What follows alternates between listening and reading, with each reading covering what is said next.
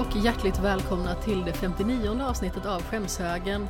Det är snart jul och jag sitter här eh, på ena sidan micken tillsammans med Jimmy Seppele.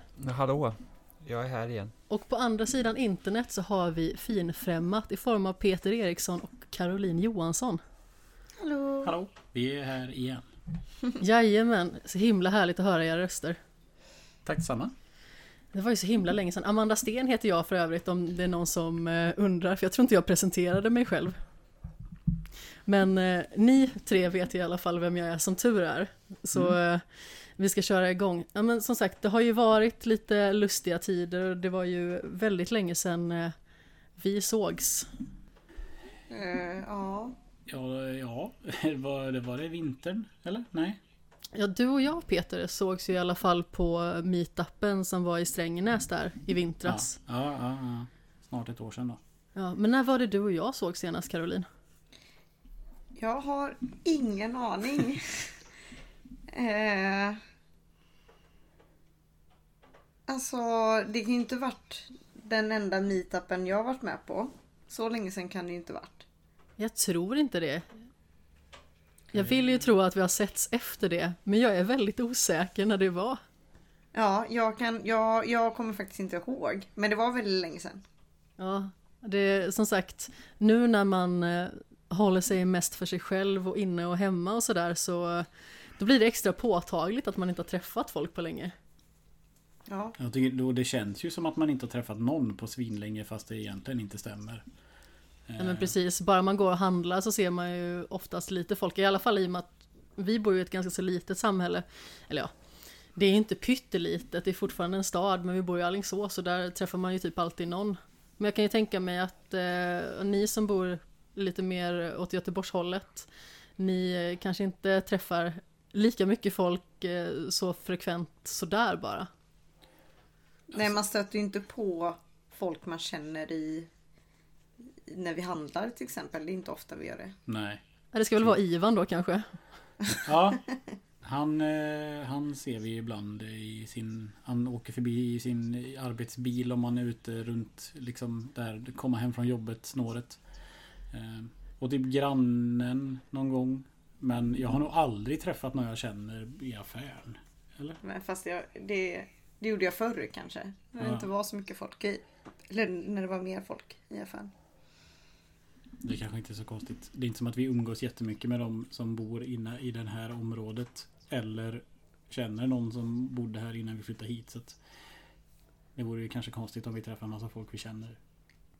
Fast jag kommer ju ändå så typ från de här trakterna. Jag känner ju, men. Jag känner ju många i de här, alltså. Jag känner de här men, grabbarna. ja, jag orkar inte. Målsen, raggarna. Det är så himla tråkigt. Jag visste att du skulle dra den skiten. Det blir fredagsfest med epatraktor. Ja. Ska vi dra kvarteret runt, ta ett par timmar. Åh, vad roligt. Alltså, Mm. på tal om epatraktorer och dylikt. Det var ju en av de grejerna som Jimmy reflekterade över mest när han flyttade ner hit. Hur mycket sådana risiga epatraktorer och långsamt gående fordon det finns här. Ja, men alltså det finns en epatraktor, den är så fruktansvärt ful.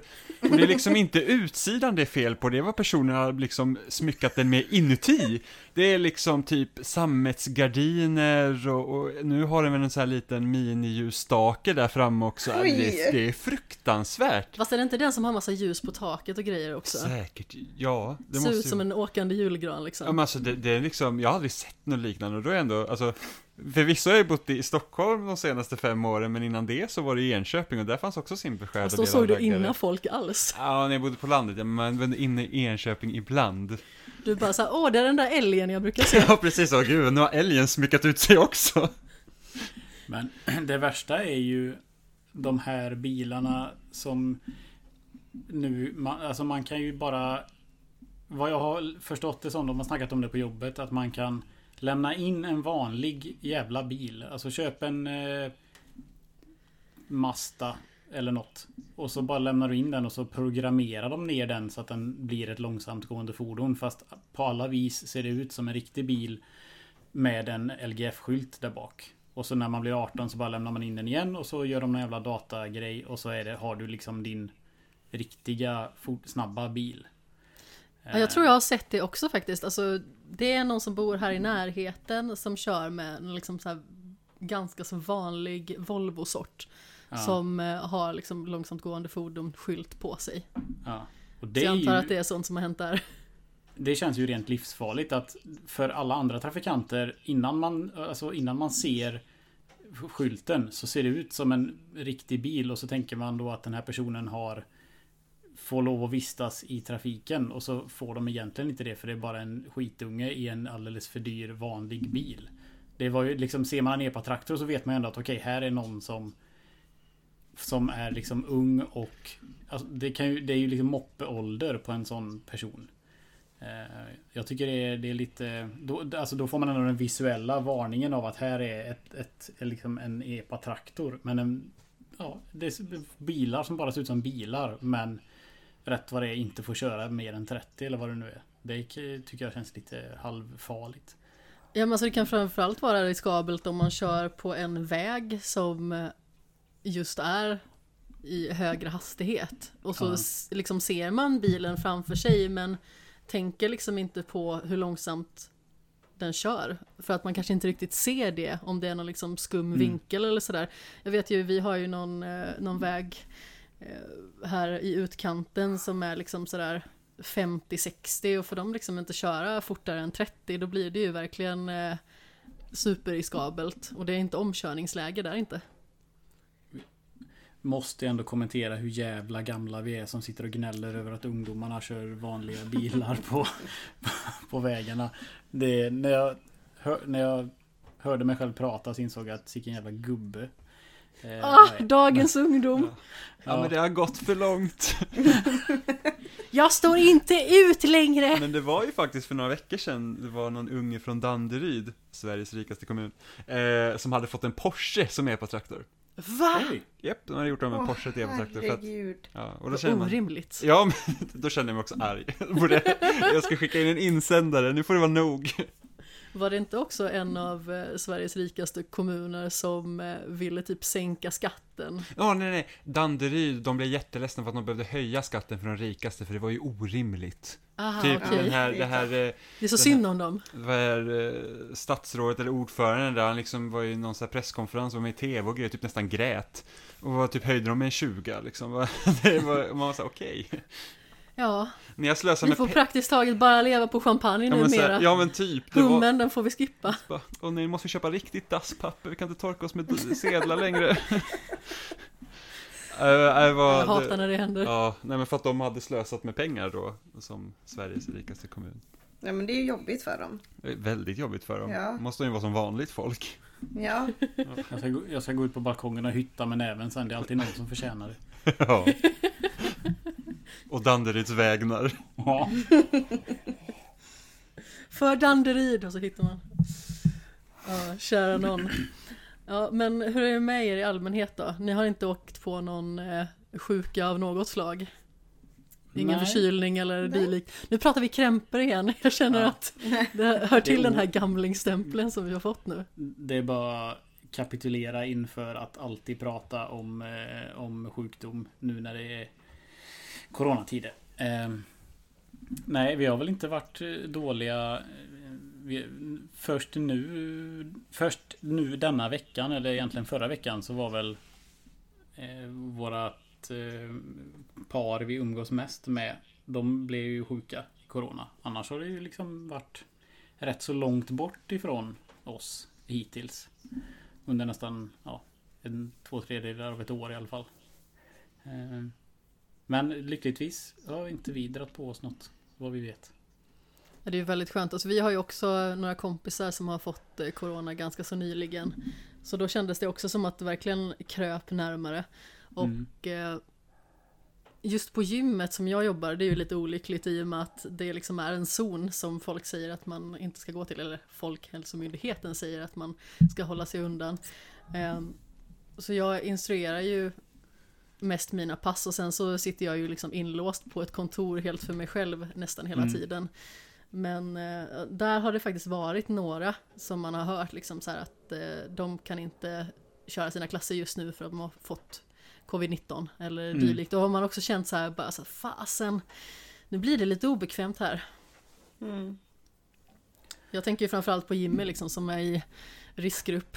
Så eh, för egen del så naturligtvis så, så känner jag mig inte lika orolig utan det är liksom mer att, att föra smittan vidare som jag är orolig för.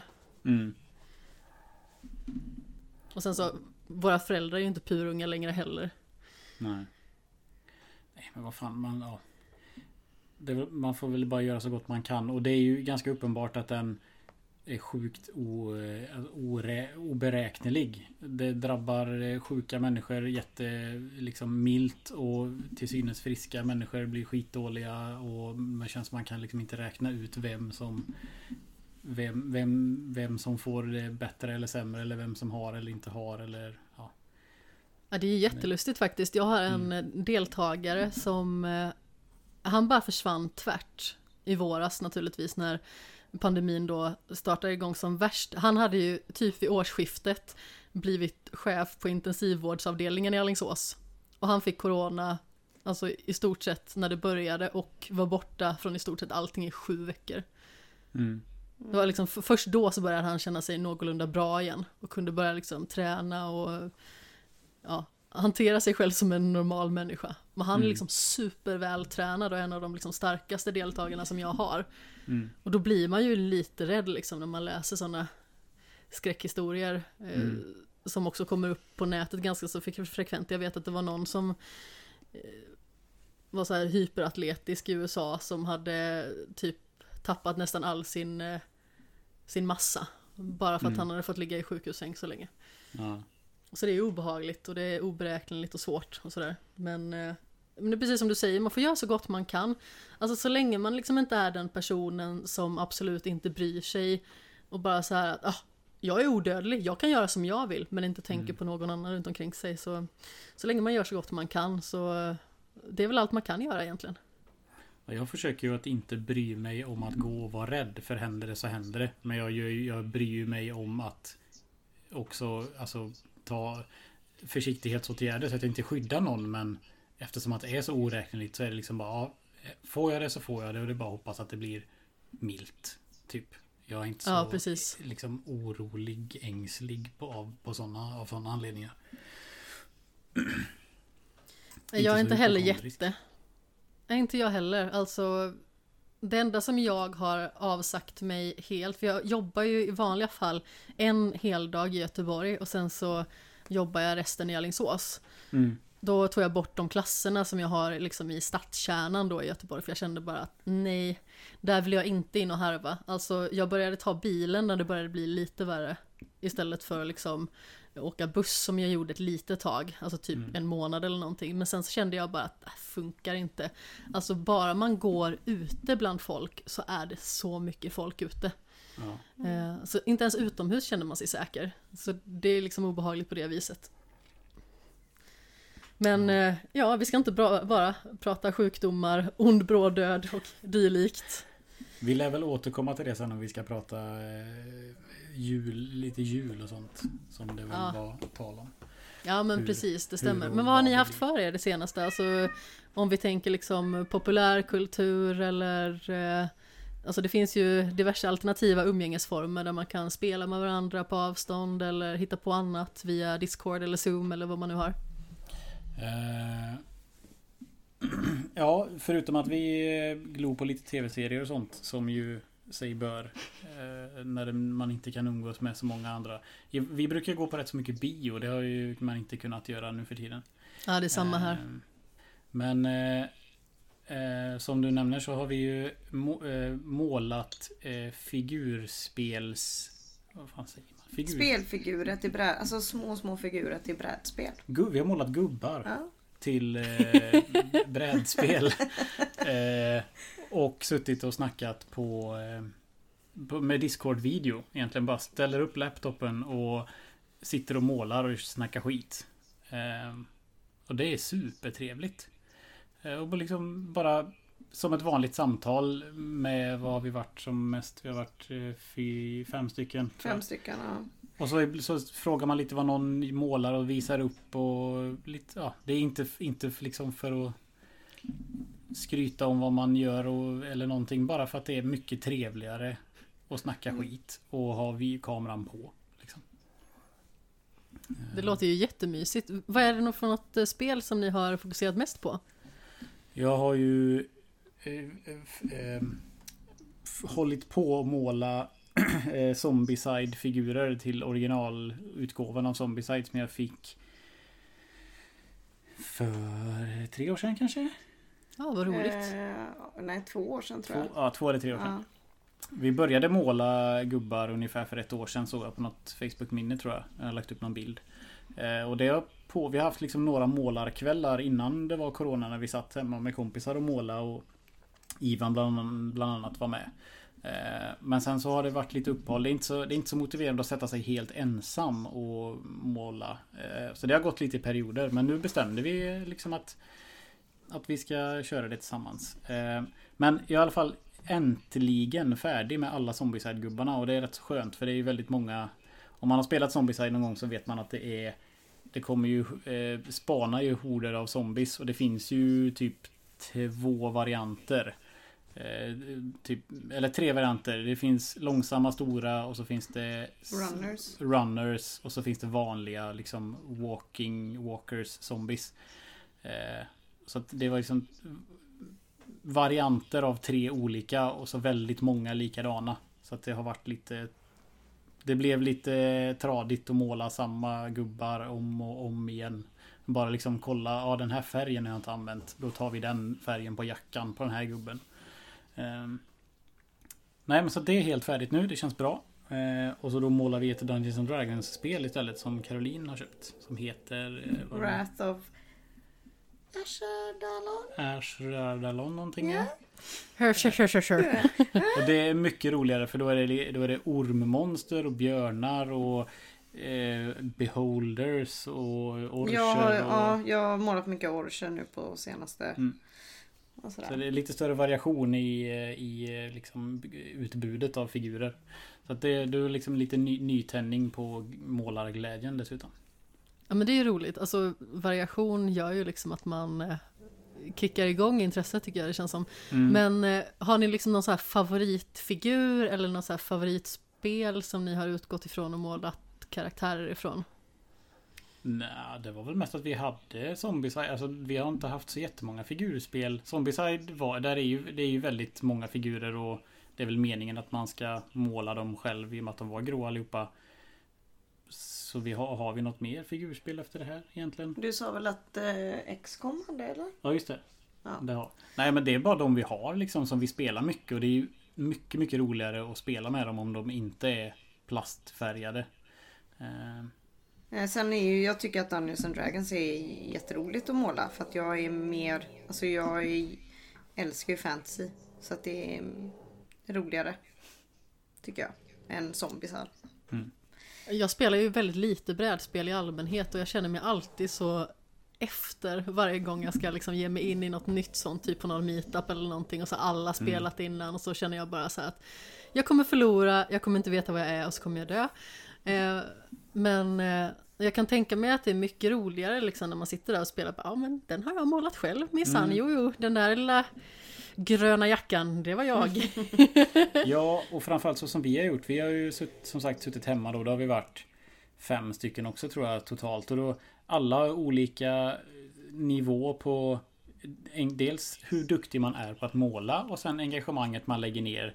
Någon kanske tar dubbelt så lång tid på sig att måla en gubbe för att de är mer noggranna med detaljer och då blir det också Det blir liksom ingen press på att alla ska vara helt perfekta eller att de ska vara enhetliga utan då är det, det är bara mycket mer personligt och roligt och pres, prestigelöst när det är så så liksom olika stil på dem. Eh, och då, då är liksom det skönt. För jag kan vara väldigt pedantisk och liksom noggrann och det ska vara perfekt och allting så här. Men då är det liksom bara fuck it. Alla gör sitt och det är bara roligt och greja. Det är väldigt eh, väldigt rogivande att sitta och liksom i, när jag och Caroline, när vi har målat själva så har vi Ja, vi sitter typ och håller käften. Sätter på musik och målar och bara är. Och det är jättetrevligt. Eh, när det bara är vi två. Eh, så att jag målar gubbar är liksom nästan som en sorts terapiaktivitet.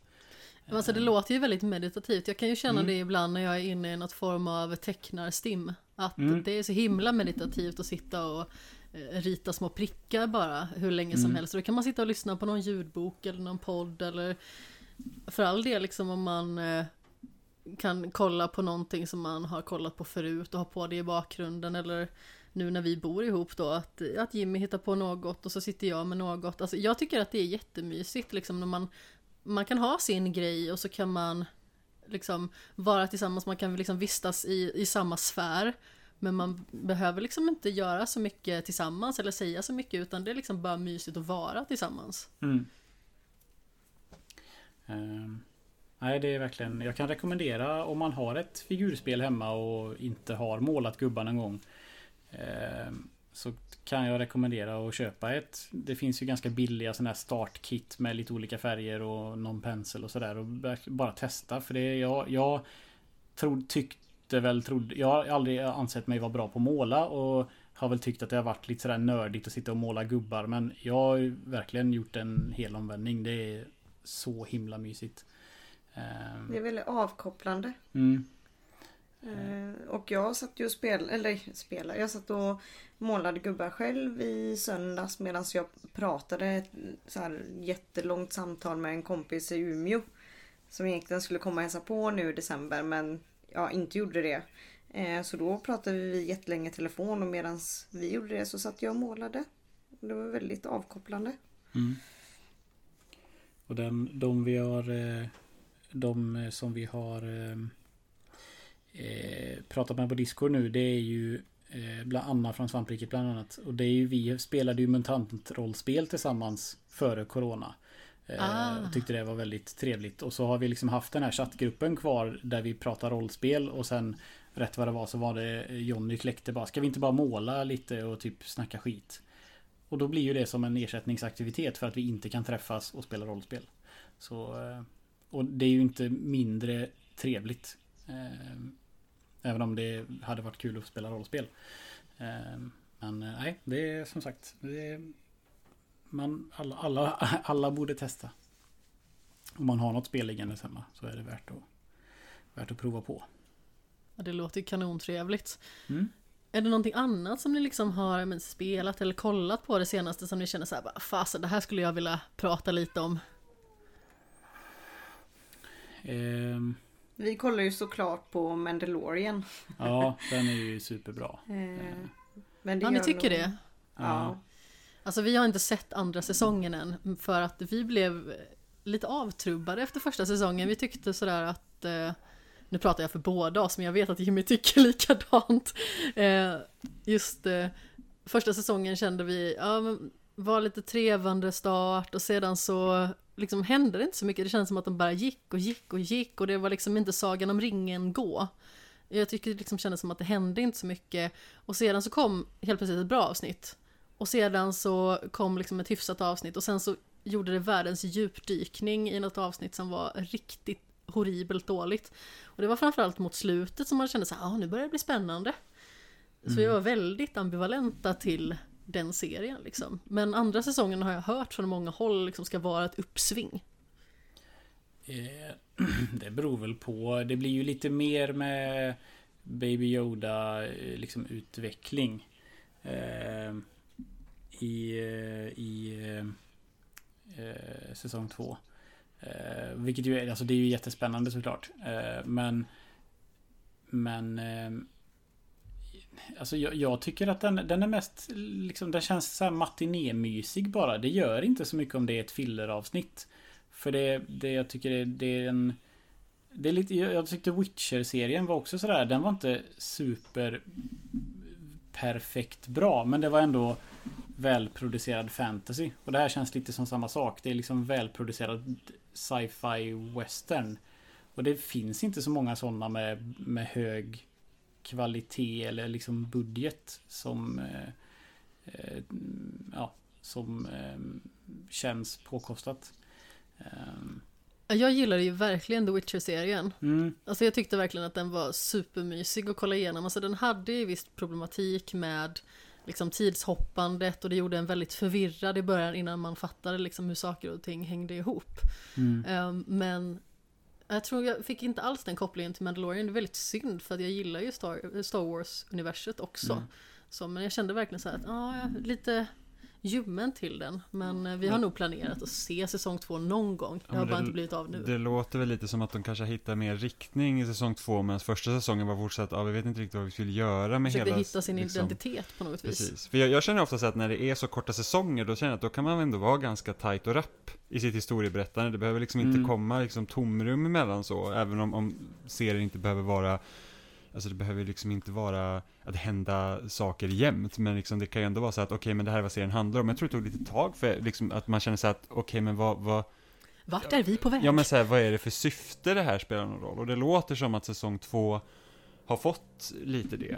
Och sen Ja. så har jag hört att de liksom försöker koppla ihop det alltså med Star Wars Rebels och Clone Wars och det är liksom det gör cameos hit och dit så att det, det låter liksom spännande så. ja. Eh, det är ju en, en stor behållning för min del är att en av mina kollegor är Ultra Star Wars-nörd. Han är född på 70-talet, precis när filmen kom på bio och har liksom Han har eh, hjälmar hemma och han är liksom eh, superinvesterad i allting och han är ju mitt lexikon. Så varje vecka när vi träffas på jobbet så tar vi en hel lunch och sätter oss i ett annat rum och bara pratar om Mandalorian. För han liksom, han upplyser ju mig om alla referenserna till då till exempel Clone Wars eh, eller eh, andra grejer i serien och ja, det här saken de pratar om det refererar ju till det här slaget som utspelade sig i i den här eh, filmen eller den här tv-spelet i liksom eh, i Kotor. Där var det någonting som eh, eh som eh, Ja, och det, knöt de ihop nu och jag tror att den utspelar sig här för det stämmer överens med liksom tiden då det här finns. Alltså det är så det är, det är som att kolla på en dokumentär, liksom, eller sån där behind the scenes i efterhand. Att lyssna på honom, för han vet allt. Vad Eh, roligt. Ja, det är, det är jättegivande. För då blir serien, när, jag, när man förstår hur mycket kärlek de lägger på fans. Eh, utan att det blir det är som att de kastar saker i ansiktet på sådana som han då som är ett, ett långtidsfan. Så tycker jag att då uppskattar jag hantverket om man säger jätte, jättemycket. Alltså jag önskar att jag hade någon sån kollega som man bara kunde nörda in på något med. Alltså nu jobbar jag ju extremt mycket själv. Men jag tror inte att jag på den arbetsplats jag är nu har liksom haft någon som har haft liknande intressen. Sådär. Alltså det närmaste jag kommit, jag tror att det var när jag satt med eh, en kollega som eh, jag jobbade ihop med på leverantörsreskontra. Och då Mhm. var det att vi båda kom fram till att vi har så här lite skämsmusik, eller vad man ska säga, eh, lite så här men inte guilty pleasure, jag tycker att det är så tråkigt egentligen att använda det uttrycket, men, men lite åt det hållet liksom att vi gillar väldigt mycket båda två att sätta på soundtracket till The Greatest Showman Mm. och bara liksom sjunga med. Eh, Så det gjorde vi inne på kontoret några gånger liksom för att lyfta stämningen lite grann och det var väldigt roligt liksom Mm. att vi båda gillade det. Alltså filmen är ju också hyfsat bra men det är just soundtracket så här. Vill man bli lite på gott humör då kan man lyssna på The Greatest Showman. Mm. Så det var väl liksom det närmsta där. Jag minns däremot att eh, jag och en eh, instruktörskollega från Alingsås, vi gick och köpte Bioshock Infinite tillsammans ganska så tidigt eh, när det hade släppts. Och det var Mm. också sån här, man kände så här, nu har jag liksom min nördkompis på jobbet, det känns som att vi lever i något form av samförstånd här som ingen annan är med på. Mm. Och det var fint. Ja, det det en, eh, det är ett privilegium att ha någon sån på sin arbetsplats som är så liksom har lika Och Nu råkar det ju vara liksom tv-spel och film och Star Wars liksom som vi har gemensamt men bara ha Det, det känns på, det, jag inbillar mig att för många så är jobbet ett jobb och där går man och så är man med arbetskamraterna och så är det bra så.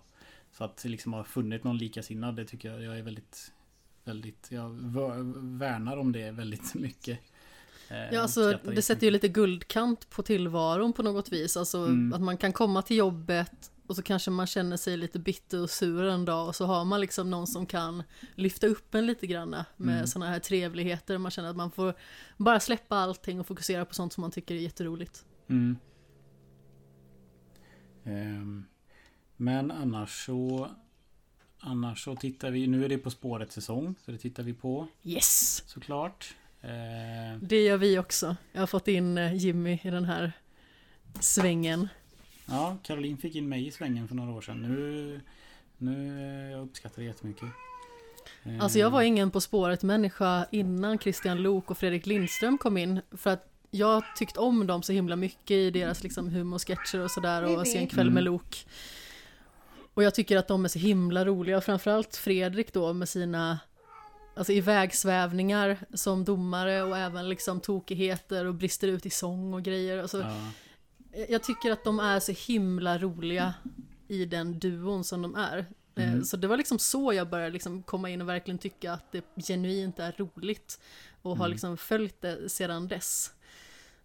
Så det är liksom en av årets högtider, eh, man får kolla på På spåret. ja, man ser fram emot det så himla länge under hela året. Och det, man tycker ju alltid att det börjar så sent på året. Alltså att man får vänta så himla länge.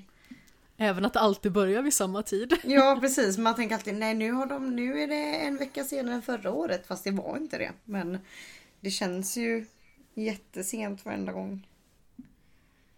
Ja men alltså precis innan hösten ska börja så börjar man liksom kolla så här, ah, när ska det köra igång egentligen? Vilket datum ska man lägga in i sin almanacka? Mm. Eh, och sen vi, vi tittar kontinuerligt nu när vi typ som matserie så kollar vi på Brooklyn 99. Den är väldigt bra. Ah, Eh, och jag har inte sett den förut. Eh, och så har vi avslutat eh, Vi har tittat på eh, Ha- eh, Haunting of Hill House och Bly Manor har vi sett. För jag hade inte sett den första heller. Så de har vi kollat igenom. Det var alla de sista liksom Ja 40 eh, Riktiga serier ska man inte kalla det men sådär 40 minuters avsnittsserier som vi såg. Eh, vad tyckte ni om dem? jag tyckte de var bra. De hade... Båda hade eh, toppar och dalar för mig. Eh, Alltså de var, när de var bra var de jättebra men så hade de också ställen där liksom det sänkte betyget på grund av vissa anledningar tycker jag. Men överlag alltså absolut sevärda. Jag trodde nog dock att de skulle vara mer skräck. Alltså ren klassisk skräck. Eh, alltså jag, jag, jag trodde jag skulle vara räddare i framförallt Haunting of Hill House. Att det var det, det den var känd för. Att den var liksom en serie, en bra serie som också var jävligt, eh, jävligt läskig. Men det var väl snarare att det var en läskig serie som var för jävla bra. Eh, För mig är det ju väldigt bra. Båda är väldigt bra spökhistorier. mm, Ja, jag håller Alltså, det med, känns, verkligen. Ja, det känns som väldigt så här klassiska spökhistorier och jag blir väldigt glad att man gör sådana serier. Eh, nu har jag sett väldigt mycket American Horror Story och jag är jätteglad att Haunting inte gör det som American Horror Story gör för att de går ju bara på chockvärde, typ. Ehm, tycker jag. Så därför var det väldigt skönt att få se en serie som var en klassisk, som är klassiska spökhistorier, sånt som man fick liksom som man berättade när man var liten och sånt där. Eh, jag tycker de är... Det är mycket högre kvalitet på dessa. Eh, på Haunting då. Ja men precis, alltså jag tycker att de är lite mer nedtonade också, vilket gör att de får en annan typ av läskighet. Det är liksom inte så mycket liksom upp i ansiktet, utan det är så mycket skumheter som händer i bakgrunden och det är det som jag tycker är läskigt.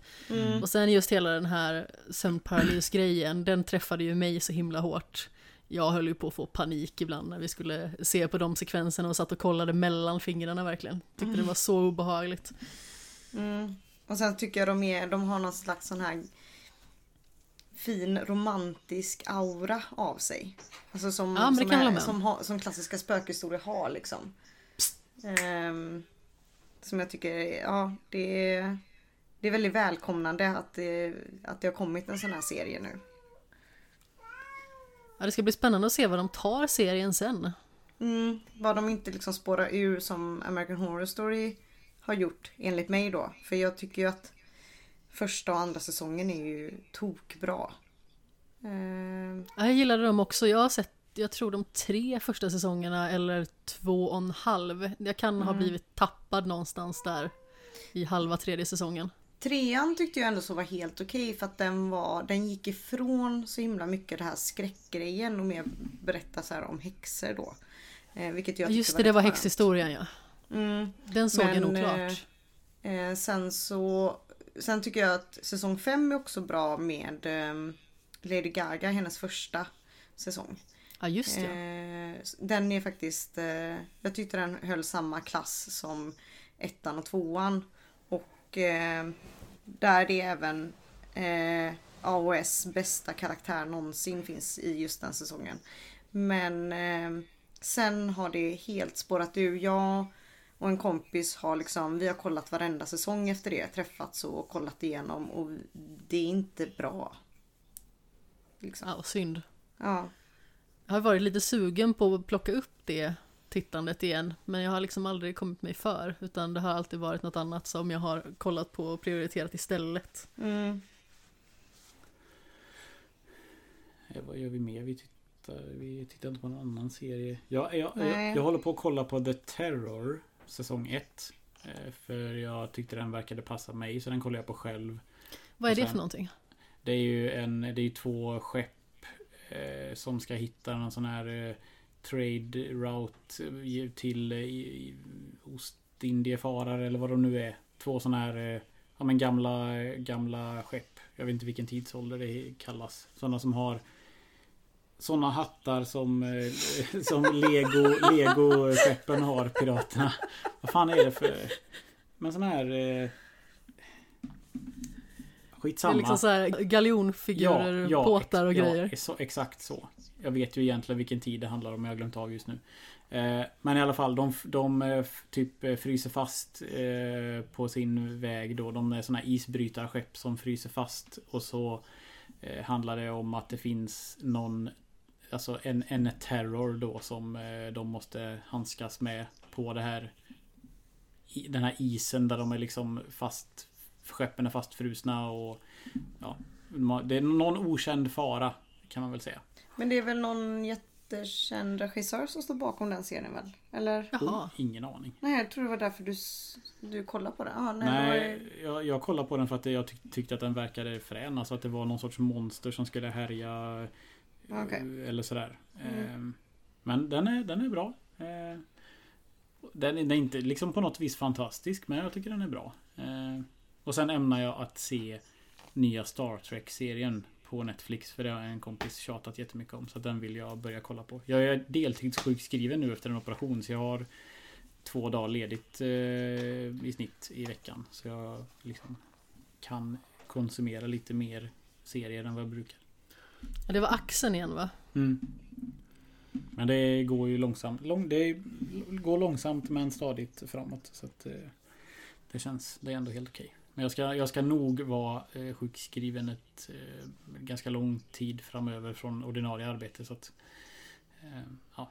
Jag, jag gjorde en liten lista med saker jag skulle hinna med och då var ju eh, Haunting of eh, serierna var ju bland annat sådana som jag tänkte beta av när jag hade liksom fick extra tid.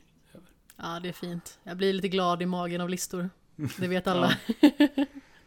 Det är härligt. ha- om inte annat för att jag glömmer bort allt om inte jag listar upp det. Mer än att det är gött med listor så bara för att komma ihåg vad jag vill. Alltså jag håller med. Det är ju så himla mycket som går att konsumera åt alla håll och kanter. Alltså både när det gäller film och tv-serier och spel. Så man känner ju liksom bara att det är någonting som hamnar i skymundan hela tiden. Vad Mm. man än gör. Och eh, jag försöker att göra små listor på saker som jag vill ta mig an också. Nu har det blivit väldigt mycket nytt just den senaste tiden med Spider-Man till exempel. När det släpptes. Mm. Det var ju en fantastisk upplevelse och sen nu naturligtvis Cyberpunk som jag ser att du har spelat också.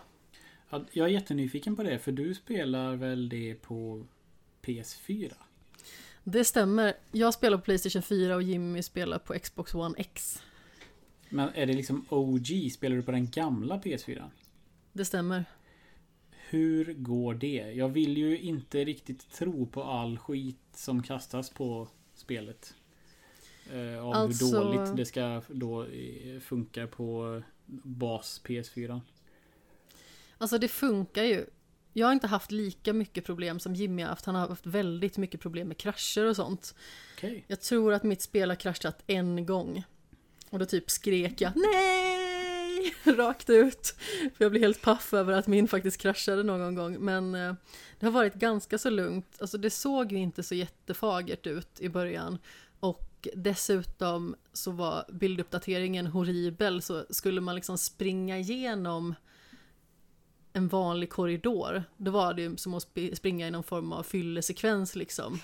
Det var hemskt. Mm. Och samma sak liksom skjutandet, det kändes också jättemuppigt ibland och liksom väldigt otympligt. Men sen så fick vi ett tips båda två där vi skulle ta bort filmgrain, chromatic aberration och motion blur i grafiken, vilket då liksom gjorde att spelet både såg snyggare ut och flöt mycket bättre. Ja. Alltså det var ju, alltså jag kommer ihåg när jag, jag, Som natt och dag. jag, jag tror det liksom hade glömt att ta på mig glasögonen för att spelet var så jäkla suddigt. Ja, vad fan är det här för skit liksom? Nu är det rätt så skarpt, men det är fortfarande Alltså, det känns mer som typ Saints Row än GTA, om man säger så. Mm. Liksom att, att stan är, i alla fall på de äldre konsolerna, att stan är inte lika mycket befolkad, det är väldigt lite fordon ute och... Den är inte så levande Nej. som man hade hoppats att den skulle vara. Det känns ju som att i och med att spelet har haft så lång utvecklingstid så har det blivit lite passé när det väl kom ut. Mm. Mm, alltså det, det, är som, det, det är ett spel som är gjort för den här generationens konsoler. Det finns ju liksom ingen version för PS5 eller Xbox Series-konsolerna än. Nej. Utan de körs ju bara bättre på de konsolerna för att det är ungefär som en dator. Mm. Så att egentligen det här spelet borde ju bara släppas på PC. Mm. Och sen vänta med konsolversionen eller, förläng, eller liksom försenat det igen. Tills det faktiskt fungerade Ja. riktigt bra. Och som sagt, jag har inte haft några jättestora problem. Det största och konstigaste problemet jag hade var nog faktiskt igår kväll. För då skulle jag spela ett uppdrag med Panam. Och eh, så åkte vi motorcykel genom öknen och så kommer jag fram och hennes motorcykel kommer fram men inte hon. Och jag bara så vad har hänt nu? Jag bara står och kollar mig omkring, bara, vad, vad är hon för någonstans? Så ser jag en liten prick en bit bort på kartan. Då står hon liksom så här i åkarposition. Typ tre meter upp i luften, hundra meter bort. Jag bara så här, vad händer nu? Och så stod hon där liksom och skrek så här olämpligheter och skällsord och grejer. Var arg för att inte komma ner. Det var så himla orimligt. Och sen naturligtvis så lyckades jag bli träffad av en sniper och dog. Och nästa gång det laddade om så var hon med. Men hon gick en meter upp i luften och gick runt så och ställde sig. Så eh, varje gång liksom jag laddade om den sekvensen så hände exakt samma sak. Så jag fick liksom acceptera att ja, men hon kommer att vandra runt i luften. Det är här Mm. mitt liv nu. Men eh, alltså som sagt, jag tycker att på sätt och vis har det fått oförtjänt mycket gnabb. Men det känns som att de har liksom inte lagt upp det hela bra för sig i och med att de har myglat mycket med spelets utveckling och de har undanhållit saker som Ja, men är det- ganska så väsentliga det- det- för konsolspelare. Alltså liksom. det värsta som kom ut det här, de hade något så här konferenssamtal med investerare och sånt för någon dag sedan bara. Och då kom det ut att de liksom medvetet har liksom försöka dölja att eh, det inte funkar bra på baskonsolerna. Mm. Liksom så här att, ja men det var typ det här att vi trodde inte att de som spelar på typ PS4 och Xbox One, vilket är liksom, och speciellt PS4 då som är liksom den plattformen som är mest populär. Att vara så att de bryr sig inte om det ser ut som skit eller körs sämre och, och liksom det här med att nej men det tar två månader sen har vi patchat till dem efter launch. Mm. Eh, och, då, och, liksom, eh, och speciellt hela recensionssituationen i det att de skickade inte ut koder till konsolerna och hade liksom på embargot så fick inte sajten använda sitt eget filmmaterial. De måste använda det som de skickar ut. Vilket Mm. betyder liksom att det är ju typ på den värsta monsterdatorn och så uppiffat det bara går. Eh, så att det är, liksom, det är egentligen någonting som sajterna inte borde acceptera. Och det var ju flera sajter som inte de var, vi tänker inte recensera Cyberpunk för vi får inte använda vårt eget filmmaterial om vi ska göra en Precis. videorecension. Så då köpte de in material själv, alltså, Alltså de, de, köpte de spelet köpte själv. spelet och sen så spelar de från Mm. launch. Men liksom samtidigt alla som liksom köper det då på launch då har de inte kunnat sätta recensioner. Så att, så att med tanke på att också det är ett företag som har väldigt varit så här, vad ska man säga, bra ansett Liksom för att de brukar inte köra fuffen, som man säger så. Det är liksom det vad de är då kända för inom situationstecken. Liksom med good old games och de tar inte betalt för mikrotrans alltså inga mikrotransaktioner och det är liksom ordentliga expansioner och sånt. Och sen liksom kör Mm. en sån fuling. Så att folk är ju upprörda, alltså tycker jag är ändå ganska legitimt. Sen Ja. så är det den klassiska liksom så här att, åh, då, nu tycker inte vi om det här spelet så då ska vi liksom såga det längs med fotknölarna på sådana sätt som är så här att, ja men det blir bara liksom överdrivet. Men Mm, liksom, precis. jag tycker ändå att mycket av kritiken som kommer är verkligen liksom legitim. Ja, alltså Mm. den har ju en grund. Sen så finns det ju mycket aspekter i spelet som jag tycker är riktigt bra. Jag tycker att det finns väldigt många bra karaktärer, följeslagarna man har med är intressanta och roliga. Och jag tycker om berättelsen liksom. Så jag känner ändå på något vis att det är ett bra spel. Men den hade en väldigt olycklig lansering med så himla många inkompetenta val från utvecklarna. Mm. Så det är det som jag tycker är så himla tråkigt. Men vad spelar du på för plattform Peter? Jag spelar ju på PS5 eftersom att jag eh, Jag fick ta över Ivans eh, förbokning. Eh, Ah, jag, vad var, jag var alldeles för långsam. Och fick, och fick ett besked då före lanseringen om att jag skulle få min i eh, Q1 av eh, 2020, 20, 2021 då alltså. det är typ Eh, som vi då. Ja. Och så eh, sa Ivan bara här, helt apropå någon gång att ah, ja, vi får se om jag vill ha min. Jag kanske inte jag kanske inte är så noga med det. Ja visst, tänkte jag. jag. Brydde mig inte så mycket mer om det. Och sen när han väl, eh, han bara, jag ska hämta ut den nu, vill du ha den? Bara, eh, ja, det är klart jag vill. eh, så kan jag ta din Duh. förbokning sen i nästa år. Jag bara, ja, han, fick hur många chanser som helst på sig att ångra sig. Men till slut så han bara, nej men jag är liksom inte inne i en spelperiod just nu och jag vet att du så himla gärna vill ha den. Så du liksom swishar mig 6000 så får du den bara. Så, ja visst. Jag hade ändå lagt Vad hyggligt. Världens bästa vän. Ja. Ivan. Fan vad bra han är. ehm, Ja, han är det- fina. Det var ju rent flax bara. Eh, nej, så att jag har ju jag har också upplevt minimalt med liksom eh, såna här konstiga grafikbuggar. Ingenting som stör mig. Spelet har kraschat ett antal gånger men det går ju så fort att bota upp det så att det spelar liksom ingen roll. Eh, men jag hade ändå tänkt att spela det på min PS4. Eh, för jag var så sugen på liksom spelet och ehm, Ja, när, när det kom ut en massa de här eh, rapporterna om att det var så fruktansvärt dåligt så bara för att kunna bilda mig en egen uppfattning så satte jag igång det. Jag installerade det på PS4 också och körde igång och åkte ut och körde lite bil och eh, jag drog på mig poliser i eh, liksom den här lilla marknadsdelen i början av spelet. Och det laggade när jag det liksom, man säger, det, känd, det kändes att eh, att eh, den droppade i, i framerate när jag körde bil i stan. Och när det var jättemycket folk som sköt på mig så var det också lite sådär laggigt. Men det var inte som att... Det var inte ospelbart på något vis. Och det var inte fruktansvärt mycket sämre grafik än på femman. Så att då kände jag att så här, det är väl inte så jävla farligt. Men sen kom ju då de här att bas PS4 att det verkligen och framförallt Xbox One var det ju Mm. nere på liksom 10-15 eh, bilder i sekunden sådär. Det, det är klart det känns ju även för en som är van att spela på konsol så är ju det också rätt så hårt. Mm. Men eh, Men eh, ja, jag är inte så, jag är inte så kräsen men visst det det flyter ju svinbra på PS5 eh, och det, så det är ju bara, det är bara gött att jag kan spela på den. Ehm, men ja, jag tycker det är jättekul. Ehm, jag, jag, jag har inte kommit så långt i storyn för jag fastnar alltid i att bara välja en, eh, ett sån här frågetecken på kartan för att jag tycker det är hackingen och eh, ja liksom RPG-delarna i spelet tycker jag är så himla roliga. Ehm, så jag bara gör blandat skit istället för att gå vidare i storyn. Eh, ja, det här kändes som ett spel som du skulle uppskatta faktiskt på förhand. Vad sa du?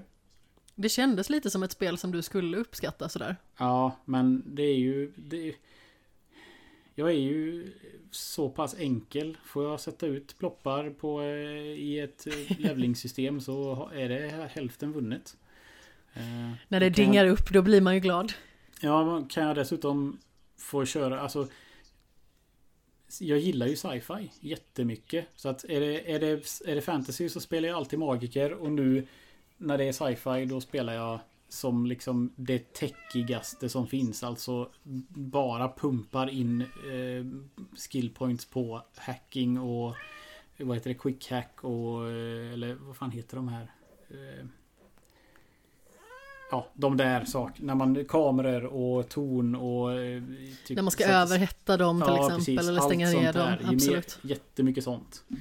Eh, Så det, det tycker jag är extremt roligt. Ja, trevligt. Jag är så hemskt dålig på att smyga till exempel, så att jag satt fast på ett uppdrag, för jag bara så här, jag måste försöka att kämpa mig igenom det här, och jag blev hela tiden träffad av någon jäkla sniper som jag inte hade räknat med. Mm. Så jag tänkte, ja men nu måste jag liksom smyga. Så då fick jag liksom, jag sprang runt hela stället, så att jag liksom inte skulle komma in i något form av krigsläge. Mm. Eh, Bara för att jag skulle kunna spara så nära ingången som möjligt. Och sedan så började jag mitt smygande. Jag lyckades liksom ta ut en övervakningskamera. Jag lyckades ta ut en nisse och sen var det hela igång. Började de skrika på mig. Och jag lyckades gömma mig i ett rum och jag tycker det är väldigt roligt ändå i spelet för att jag stänger dörren. Eh, och då har man liksom isolerat sig från de man slåss mot. Så då är det, ja ah, men nu är jag säker här inne. De kan absolut inte öppna en dörr.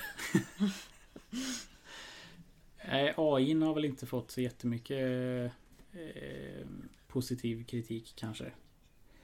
Eh, Det var roligt för det var ju någon nisse som jobbade på den här eh, bensinstationen då när man verkligen var tvungen att smyga mer. Och då hör jag liksom samtidigt som jag konverserar med den här gubben hur de står utanför i resten av butiken och skriker. Man bara såhär, men lugn nu, jag försöker ha en konversation här, kan ni inte komma in och slåss, då får det vara. Mm. Ni får vänta på er tur. Vad, vad körde ni för... Eh, ja, vad, vad startade ni som? Nomad. Ja, samma här. Okej. Jag körde Street Kid. Jag har fortfarande inte... Jag har inte min kollega på jobbet han körde också Nomad. Så jag vet fortfarande ingen som har börjat som Corpo. Det hade varit kul att höra vad... Liksom, hur det skiljer sig. För början av spelet skiljer ju sig jättemycket. Alltså, Ja, vart börjar du för någonstans? Jag börjar ju i stan. Jag minns, helt ärligt så minns jag inte liksom hur början är. Men jag tror jag börjar typ på en bar i stan. Eh, och det lät ju som att nomaden tar en ganska bra stund innan man får... Alltså, Nej, man, man kommer in ganska snabbt i stan. Jaha. alltså det, det, är typ, det är typ din bil är trasig, du lagar den och sen så är du typ i Night City på en gång. Jaha, Så man är okej. ganska så länge ute i kaktusland egentligen i Nej. relation till vad man tror. Alltså jag var ute i Kaktusland i 20 minuter innan jag var inne i stan. Jag lajade runt längre än Ja, så. inte jag, jag var såhär, jag bara, nu kör vi uppdrag och sen så bara, jaha. För jag tog normalt, för att jag säger, jag kan ingenting om Night City så då kan jag ju lika bra liksom, då får det ta tid innan jag kommer in där. Så behöver inte jag låtsas att jag vet vad jag håller på med. Eh, och då var det så att, ja men bilen var trasig, fixa den, upp i något torn, ner och sen så var jag liksom, sen var jag inne. Och då var Okej. såhär, jaha, då hade jag lika bra kunnat välja typ Street Kill eller någonting sånt. Alltså det är, inte, det är inte som att jag har fått jättemycket fördel av att börja som det. Jag antar att det är dialogvalen som påverkas. Mm, jag det tror jag också. Men jag, jag förväntar mig nästan någon sån här Dragon Age situation där liksom att början var radikalt annorlunda. Alltså det var liksom så här att det tar mig kanske en, två timmar innan jag kommer in till Night City. Mm. Och jag får liksom lära liksom känna alla system här ute innan liksom spelet drar igång på riktigt. Men det är liksom... Men eh, uppdrag. Peter, hur träffade du då din första följeslagare? Eh, jag har för mig att man eh, Man är väl Netrunners båda två och så ska man typ man träffas Man tror man, man eh, träffas på typ samma jobb eller någonting. Eh, för det här, det här eh, montaget sker ju oavsett. Ja men precis. så ja, det är... Ja, fan, jag kommer inte ihåg nu. Hur, hur det liksom är början. Ja, nej. Jag, jag minns inte. Det var ju det var ju liksom inget konstigt. Jag tror man känner, man typ känner till, känner till varandra och båda är netrunners eller något och så blir man typ eh, slagna i huvudet och vaknar upp på samma ställe eller något sånt där. Eh, har jag för mig. Men det dröjde ju inte länge. I våran början så åker man ut till en husvagn vill jag minnas. Ja, man ska göra något uppdrag och då är den här personen då är ju... Ska vara med på samma uppdrag men man har ju Mm. liksom ingen koppling till varandra innan det. Man liksom, det, det här är en helt ny kontakt. Liksom. Ja, det kanske är så. Ja, Och så sagt, ska man göra jobbet tillsammans och så blir man fast i en tull. så Och sen så måste man liksom fly från de auktoritära makterna. Mm. Men det montaget var ju otroligt bra tycker jag för att bara Ja. etablera att de här karaktärerna liksom blir kompisar utan att man liksom själv är med. För att Ja. ofta i spel är det så här att när, när jag tycker relationer ofta byggs upp ganska snabbt. Det är så att okej, men nu ska vi helt plötsligt bry om varandra, men vi har typ känt varandra i två sekunder. Medan Mm. liksom, när det här montaget kom upp, då var det så att okej, men nu förstår jag att det går väldigt lång tid här och liksom vi får se liksom bara så här vissa brytpunkter i deras relation och så förstår man att okej, men nu är vi kompisar och då är det så himla mycket lättare att köpa. Mm. Det är också mycket lättare att bry sig om karaktären när saker händer. Ja, det, det, det var... Det, Eh, som du säger, etablerade jättebra. Alltså deras... Eh, och sen, jag har inte kommit så långt men jag har ju... Ja, som du säger Amanda, och även hört ifrån andra att eh, karak alltså, karaktärer och relationer och sånt ska vara väldigt bra. Men, men ja, jag ska, jag ska nog hårdköra lite story tror jag i helgen eller någonting för att liksom komma vidare. För jag, jag har ju, vid två tillfällen har jag dessutom fått gratis eh, Cyberware-uppgraderingar som jag redan har hunnit köpa. Eh, för att jag liksom inte Ah. har gjort story. Och det har ju varit lite surt. Att lägga pengar på. Nu har jag visserligen köpt bättre grejer än vad jag hade fått gratis men det är ändå Det är inte skitlätt att få så mycket pengar. Jag gör ju slut på dem varenda gång jag går till en Ripper Dock. Ehm, Så ehm, jag ska, av den anledningen ska man nog köra story också tror jag.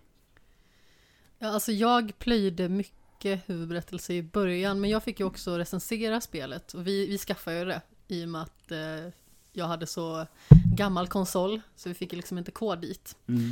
Så eh, när jag började spela det så försökte jag att eh, plöja huvudberättelse så mycket som möjligt och sen så började jag liksom förgrena mig och göra lite andra grejer för att då kom jag liksom till en punkt i berättelsen där en karaktär typ säger att ja men gå och gör lite annan skit så länge. Och så fastnade jag lite i det. Mm. Men eh, alltså jag har inte spelat så extremt mycket, vad kan jag vara uppe i 15 timmar? Vad har du spelat Jimmy? Du har spelat skitmycket Jag spelar strax över 40 timmar. Åh jävlar. Och jag väl... på en vecka. Men sluta.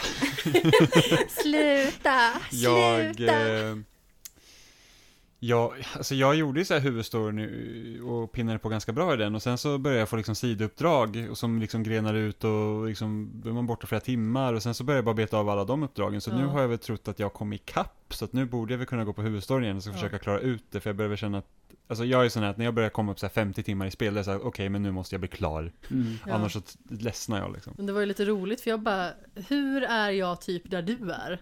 Jag fattar liksom inte riktigt hur vi var vid samma punkt i, i huvudberättelsen. Och du bara, men jag har flöjtat omkring lite. Du skojar inte, du har spelat typ sju gånger så mycket som jag.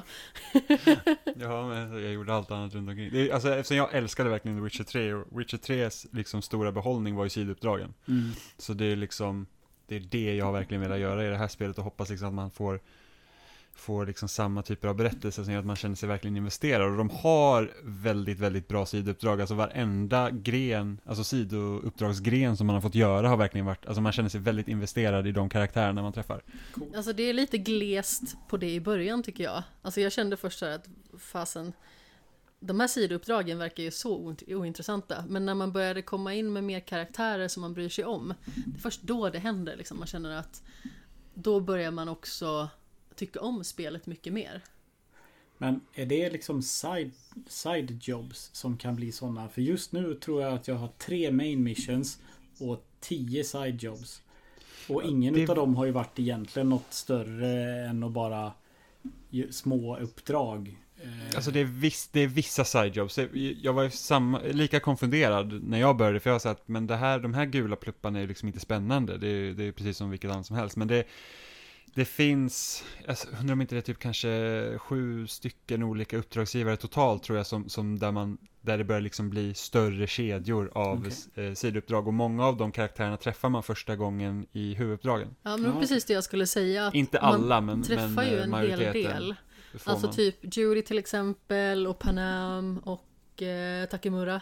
mm. De träffar man ju i huvudberättelsen och sedan så får man ju liksom mer investerande sidoberättelser som man kan ta sig an Mm. med dem.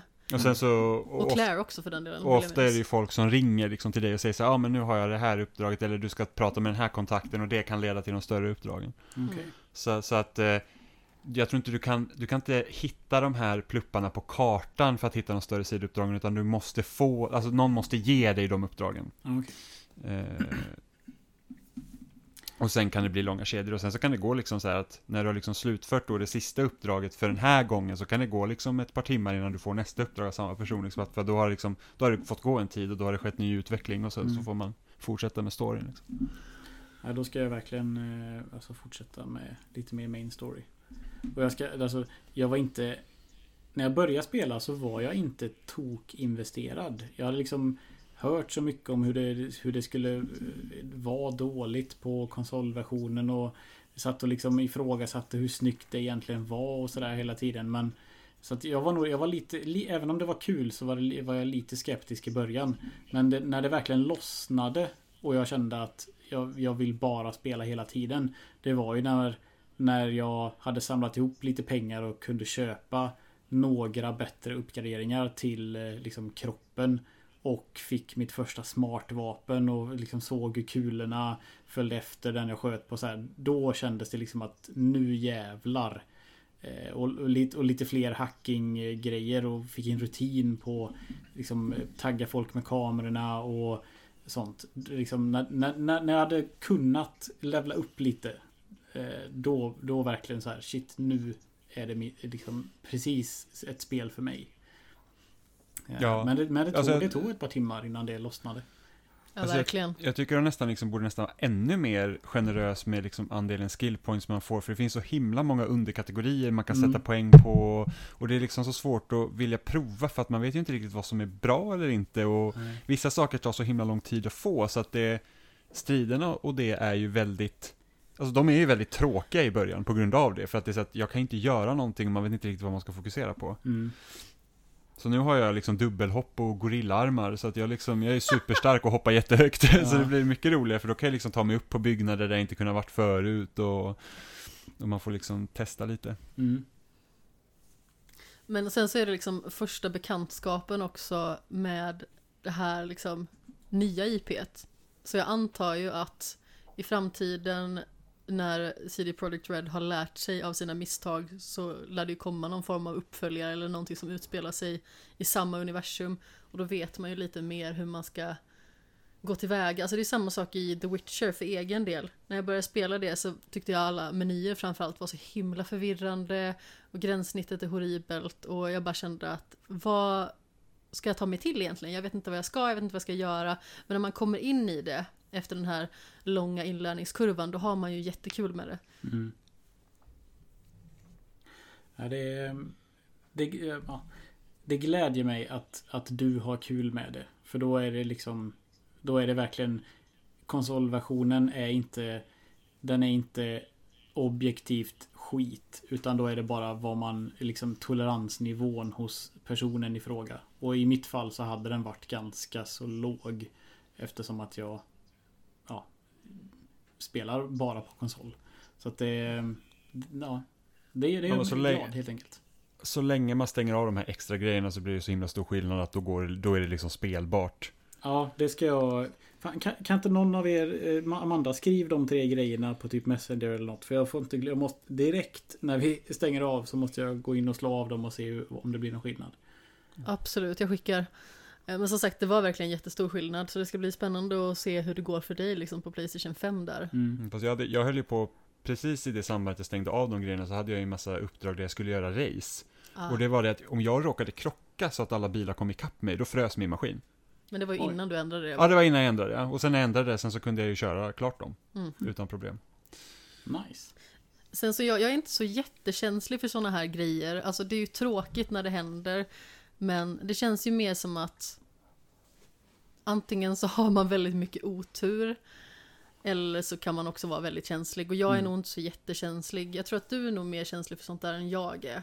Ja, men alltså främst också när man får se bilder från PC-versionen, just med tanke på att det är cyberpunk och det är liksom en neonstad och liksom alla de här ljusen och all liksom den elektronik de använder ska liksom poppa på skärmen. Det är liksom Ja, det gjorde ni ju det inte. ska ju vara liksom extraordinärt att gå runt i den här staden känner jag. Och sen så när man liksom går där, så man sitter här, ja ah, nu är det natt i Night City, jag är ute på vischan och så ska jag titta in mot staden och så är det typ så här liten grå kupol över stan. så Ser ut som ser- lite röksignaler Ja, man ungefär. ser inget annat. Man bara säger ja, där är typ vilda livet där inne då. då. Ja, Liksom härliga tider, eller när man går på marknaden i stan och så går man förbi någon som inte har något ansikte. Mm. Eller någon där kroppen liksom inte har eh, Den har inte laddat in. Ja, e- eller liksom när typ så här, en- karaktär går igenom alla stadier av liksom utveckling på hur eh, den ser ut på det lägsta inställningar till de högsta. Då. Det är typ först så här, här är en PS1-karaktär och sen blir den gradvis bättre för att texturen och sånt ska ladda in.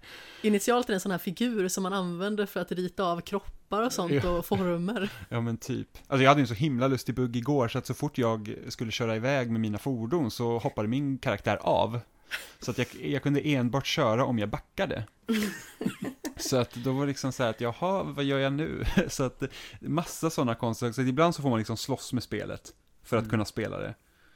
Och ofta så här HUD-element fastnar på skärmen också, så att här, har jag tittat på ett vapen för länge då är den rutan kvar i högra sidan tills jag laddar om. Ja, det har hänt mig också att... Eh, eh, vad heter det? Om det är vapenstats eller om det är eh, informationsbilden på en skannad karaktär. Jag minns inte vilken. Men någon av dem har fryst fast och även eh, en, eh, en dialog, alltså en sub- subtitle på en dialog låg kvar i, i alltså Även fast jag stängde av och liksom laddade upp min save igen. Så den, den bara låg kvar i flera timmar tills rätt vad det är. Så bara, ja nu försvann den. Nu liksom, Mm. Så den dök den låg under all annan subtitle bara hela tiden. Eh, vilket, det är inte så störande men det är ändå Alltså Det är ju där. det, det är där och eh, ja, har man kul med spelet så är det ju jättebra givetvis. Alltså, det, man ska ju inte klanka ner på någons erfarenhet eller någons upplevelse om de, om de tycker det är kul. Men de ska ju inte, alltså man ska ju inte låta dem komma undan med att de har släppt ett skittrasigt spel som de ljög om. När det liksom när folk släpper spel på förra generationen som är jättebra. Eh, och Ja. buggfria eh, annars liksom. Så att det är ju Ja, det är väl det där man aldrig förstår sig på. Aktieägare som eh, kräver att det ska släppa. Liksom, jag vet, man Mm. för det, det känns ju inte som att de behöver pengarna i försäljningen att släppa det. Det är ju säkert... Nej, Det men- ligger mycket politik i Men det jag helt kan enkelt. också tänka mig att det såg ganska snyggt ut när man har liksom 8 miljoner pre-orders. Så, ja, ja. och släppa det liksom. Ja. Ja, alltså det känns ju så himla fisigt och det känns ju lite som att utvecklarna har inte bara skitit i det blå skåpet utan de har fastnat med röven och kommer få skita där inne i ett par år innan de drar ut dem. Mm. Ehm, Så vi får se lite vad som händer. Men som sagt, det är ett bra spel som eh, de hade kunnat hantera mycket bättre. ja. Jag tror vi alla är eniga om det. Jag tycker det jobbigast när det är så här buggiga spel, det är ofta så att när man fastnar någonstans så är det så här, har jag fastnat nu för att jag inte förstår? Eller är spelet trasigt? Mm. Och det tycker jag händer mycket, mycket mer nu, liksom även i, i större spel, så som jag spelar Assassin's Creed Valhalla under hösten nu. Och, och så har det också varit ibland så att, okej, har spelet buggat sig nu, eller är det jag som inte fattar vad jag ska Var det göra? inte då du typ fastnade i ett träd eller något? Men jag är fastnat i träd och jag är liksom gubbar som inte springer och ska hjälpa mig att öppna kister så jag inte kan komma vidare, så jag måste göra om massa saker. Och det värsta är ju nu att det finns ju en bugg för fiskarna, så här, en av de få achievements jag har kvar att ta i det här spelet. Och det är så här att regnar det så spanar inga fiskar i havet. Kommer en våg så spanar fiskarna bort. Och man säger bara, alltså fiskar ska trivas när det är vått. Det regnar, de borde frodas här ute. Jag borde kunna bada i fisk om jag så velat. Så att det är lite jobbigt. Och du gillar inte heller Nej, jag fisken i spel. hatar att fiska i spel. Det är så tråkigt. Varför är det ett element i spel? Jag alltså, vet jätte, Det är jättemysigt. Jättemånga JRPG jag spelar så är så här, ja nu ska du lära dig att fiska. Man bara, Ja. fast nej. Jag det är skittråkigt. Enda Ja, gången det typ var roligt var ju i eh, Fire Emblems. Då var det ju en helt okej fiske experience. Men eh, ja, andra spel jag spelat när man behöver fiska. Det, det är så här, det här är så jävla onödigt. Jag bryr mig verkligen inte. Och så bara, vad ska du göra med all fisk? Jag ska Ja. ha i ditt inventory. Du behöver inte göra någonting med den, den ska bara man vara där. säljer så får man pengar och så kan man köpa bra saker. Ja fast det- känns ju, ska jag springa till eh, liksom en merchant bara för att sälja fisk liksom? Nej, då springer jag hellre och gör bra uppdrag. Eller så. Ja. Jag tycker det är jättemysigt att fiska i Stardew Valley. Jag kan fastna där i timmar. Jag hade en kompis som jag alltid fick spela fram till fiskestället i Ocarina of Time för att han skulle ställa sig där och fiska. Och det så här, du har fått den största fisken redan, är du inte nöjd? Nej men det är så himla roligt. Kunde man få en fisk som liksom var större än akvariet? Eller är det bara någon sån där eh, eh, barnmyt? I Ocarina of Time, Ja. Jag för mig att vet. det gick liksom rykten om att du kunde få en fisk där alltså, fenorna stack ut lite utanför karet för att den var så stor. Jag har faktiskt ingen aning. Ja, det var något som gick på skolgården tror jag när jag eh, när det släpptes här för mig. Men det kan lika gärna vara skitsnack, jag vet inte. Ehm, på tal om Assassin's Creed, Caroline. Du spelar Mm. ju eh, Odyssey nu. Ja. Hur gammalt är det? Är det två år gammalt? Eller ett år Det gammalt? stämmer. Två år. Har, alltså är, på tal om, jag tänker på tal om buggar. Är, har du upplevt några buggar eller har det liksom patchats bort typ allting? För Ubi, så här, Ubisoft Open World-spel är väl ändå liksom Bör väl vara rätt så mycket buggar i som man snackar om Valhalla och sådär men är, Alltså- det, är det stabilt? För då är det ju så här, då borde man ju bara sluta köpa spel förrän ett år efter de släpps. Den, det har ju inte några major buggar tror jag. Ehm, det mesta är väl kanske med hästen. Jag fick kalla på honom och han fastnade någonstans. Ehm, typ en gång när jag skulle kalla på honom på en strand. Då kom han från vattnet och bara fastnade och kunde inte komma upp på land. Man bara, men varför, varför kom du från vattnet från början? Var har du varit någonstans hästjävel? Han har fiskat. Ja. eh, men det, det är väl det i sådana fall. Mm. Jag kan inte komma på någonting jag stört mig på så sådär jättemycket. Faktiskt. Jag har för mig att Odyssey var ganska stabilt redan när det kom. Ja. Om jag inte minns fel. Och Eh, apropå hästar och The Witcher som vi nämnde innan. Då hade jag ju glömt av hur man kallade på Roach. Så jag fick springa runt och leta efter honom i typ sju timmar. det, men Innan där, jag av misstag råkade hitta rätt knapp. det kan jag störa mig lite på i, eh, i Odyssey är att eh, om jag har precis lämnat, vad heter han? Min heter Foibos tror jag. Eller något sånt där. Eh, I alla fall min häst. Och när jag har lämnat honom och bara går iväg en liten bit och sen när jag kommer tillbaka så är han helt borta. Och det är så här, men varför har du inte stannat här? Vad har du? Har, ja, har han gått iväg och fiskat? Ingen vet. Det, du borde ha stannat här för i Witcher kan man ändå så hitta Roach liksom. Så att, eh, ja. Det är väl... eh, Ja, det är väl bara hästen jag kan störa mig på. Mm. Men vad tycker du om det i allmänhet då? Det jag tycker det är jätteroligt. Eh, faktiskt. Eh, jag spelar, jag har ändå så spelat rätt mycket och jag är sån här som gillar eh, sidouppdrag. Jag är en sån som kan spela, jag vill spela hela spelet. Alltså Dragon Age Inquisition spelade jag allt verkligen. Så jag spelade i Wow. evigheter. Ehm, för jag vill, när jag gillar ett spel så vill jag inte att det ska ta slut liksom. Så jag drar ut på det. Eh, så, och det gör jag lite med Odyssey nu också. Men skillnaden, jag tyckte Dragon Age hade liksom roliga sidouppdrag. Medan i Odyssey så är det mycket så här springa och göra samma sak. Det är inte så...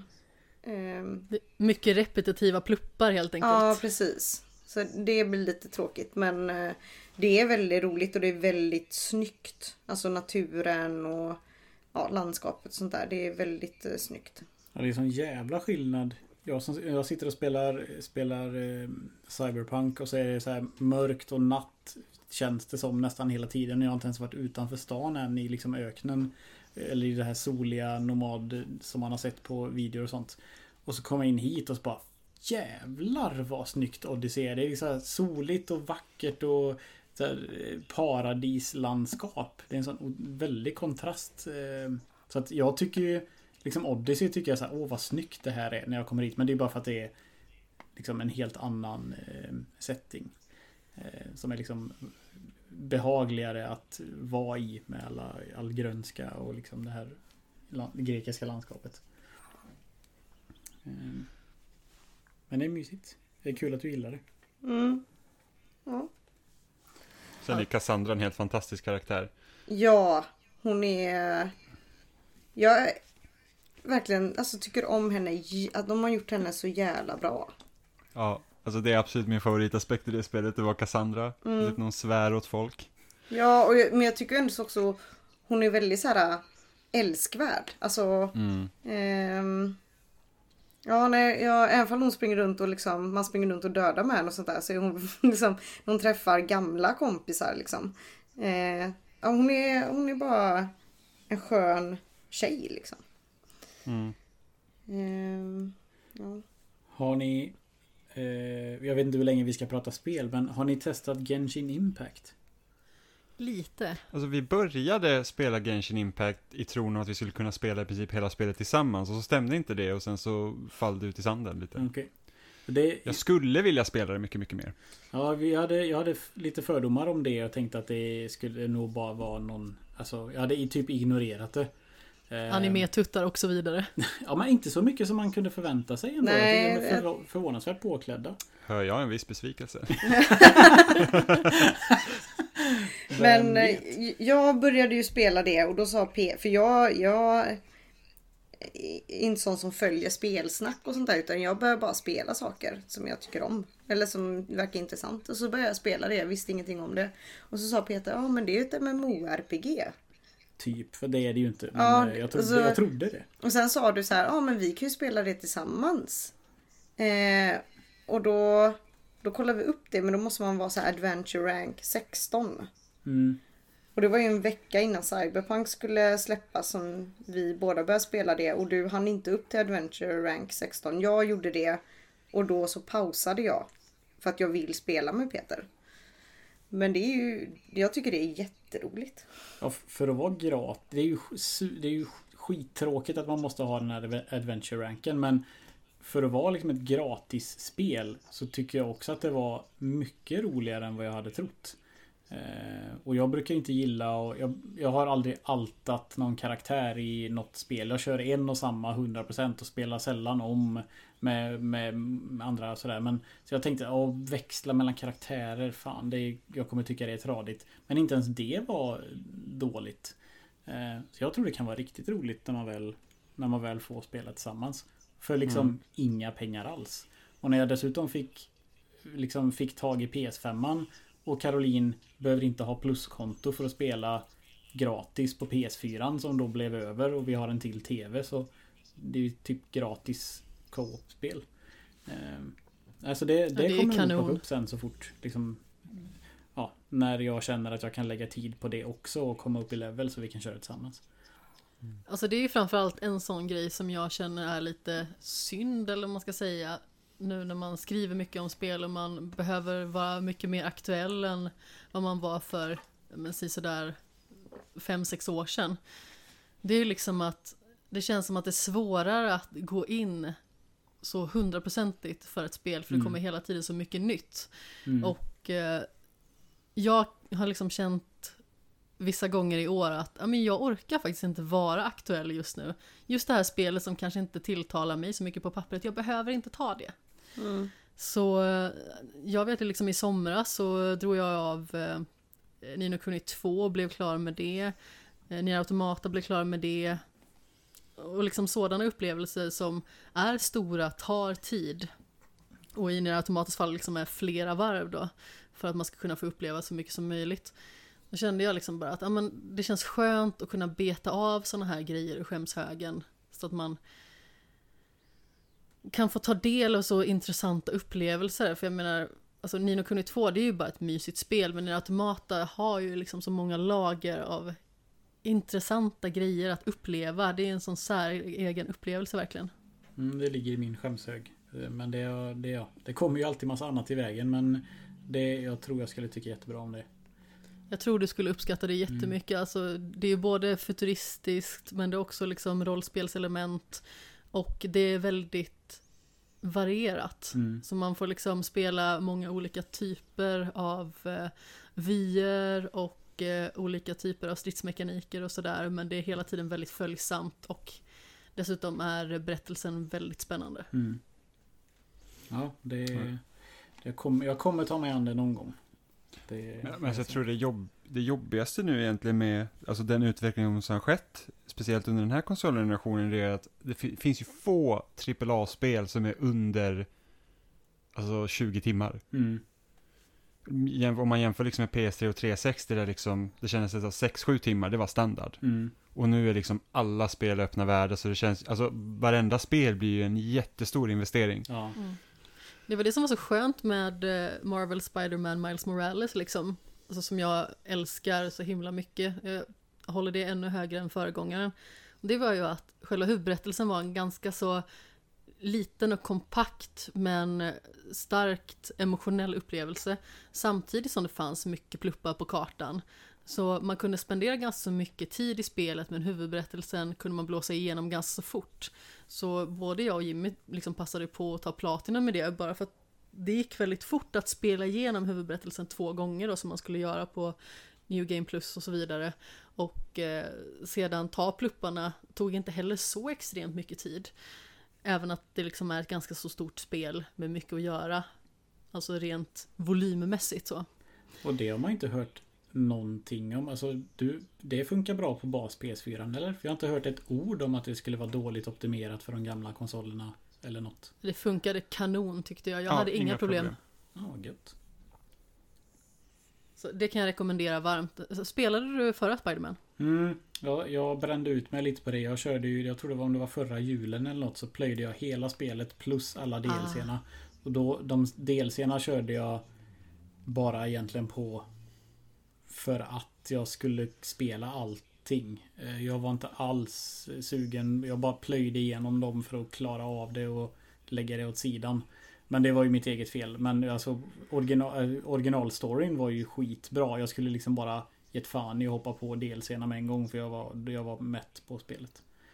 Ja, alltså i ett så stort spel så blir man ju väldigt pluppmätt Ja. om man liksom plöjer allting. Mm. Jag förstår inte vad ni menar. Du, jag, jag rekommenderade ju Odyssey till dig för det enda man hör om det är hur jävla oändligt långt det är. Fast det känns inte, det känns som att jag går för fort fram ändå. Det är så här. Jag försöker ju ta alla sidouppdragen innan jag ska resa vidare någonstans och försöker göra allting. Men så känns det så här, nej nu var jag klar här. Fan, nu måste jag resa vidare.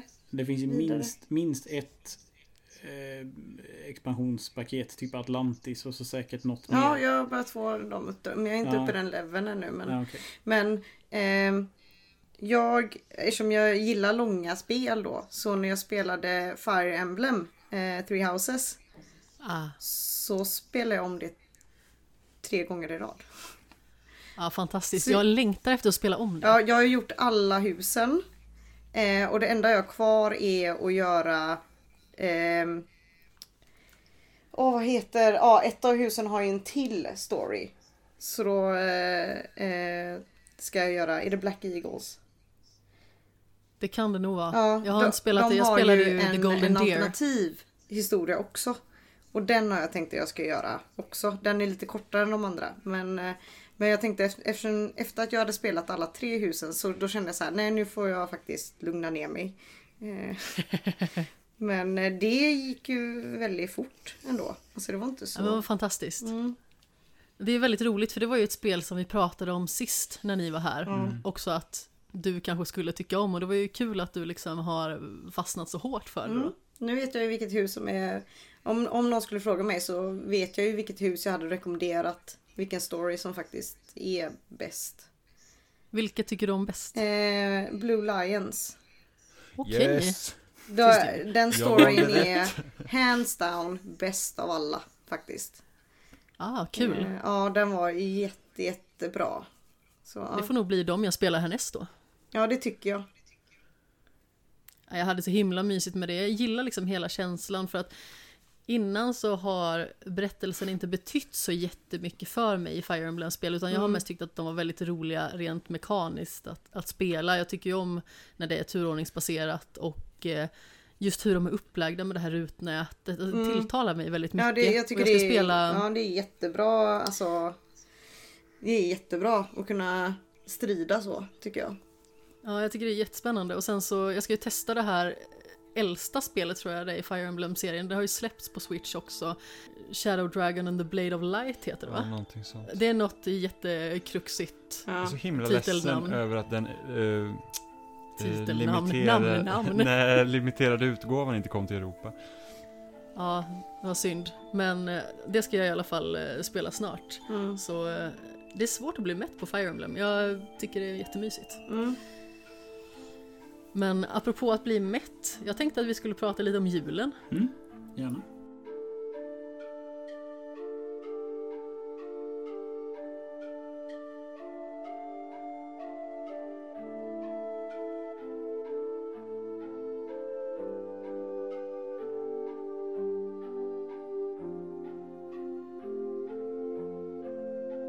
Då tänker jag att jag har lite frågor naturligtvis jag flöjtar ju inte allt det här utan eh, jag sitter med min lilla smyglapp i bakgrunden. Eller ja, lapp och lapp, jag sitter och kollar på telefonen. Vad försöker jag lura?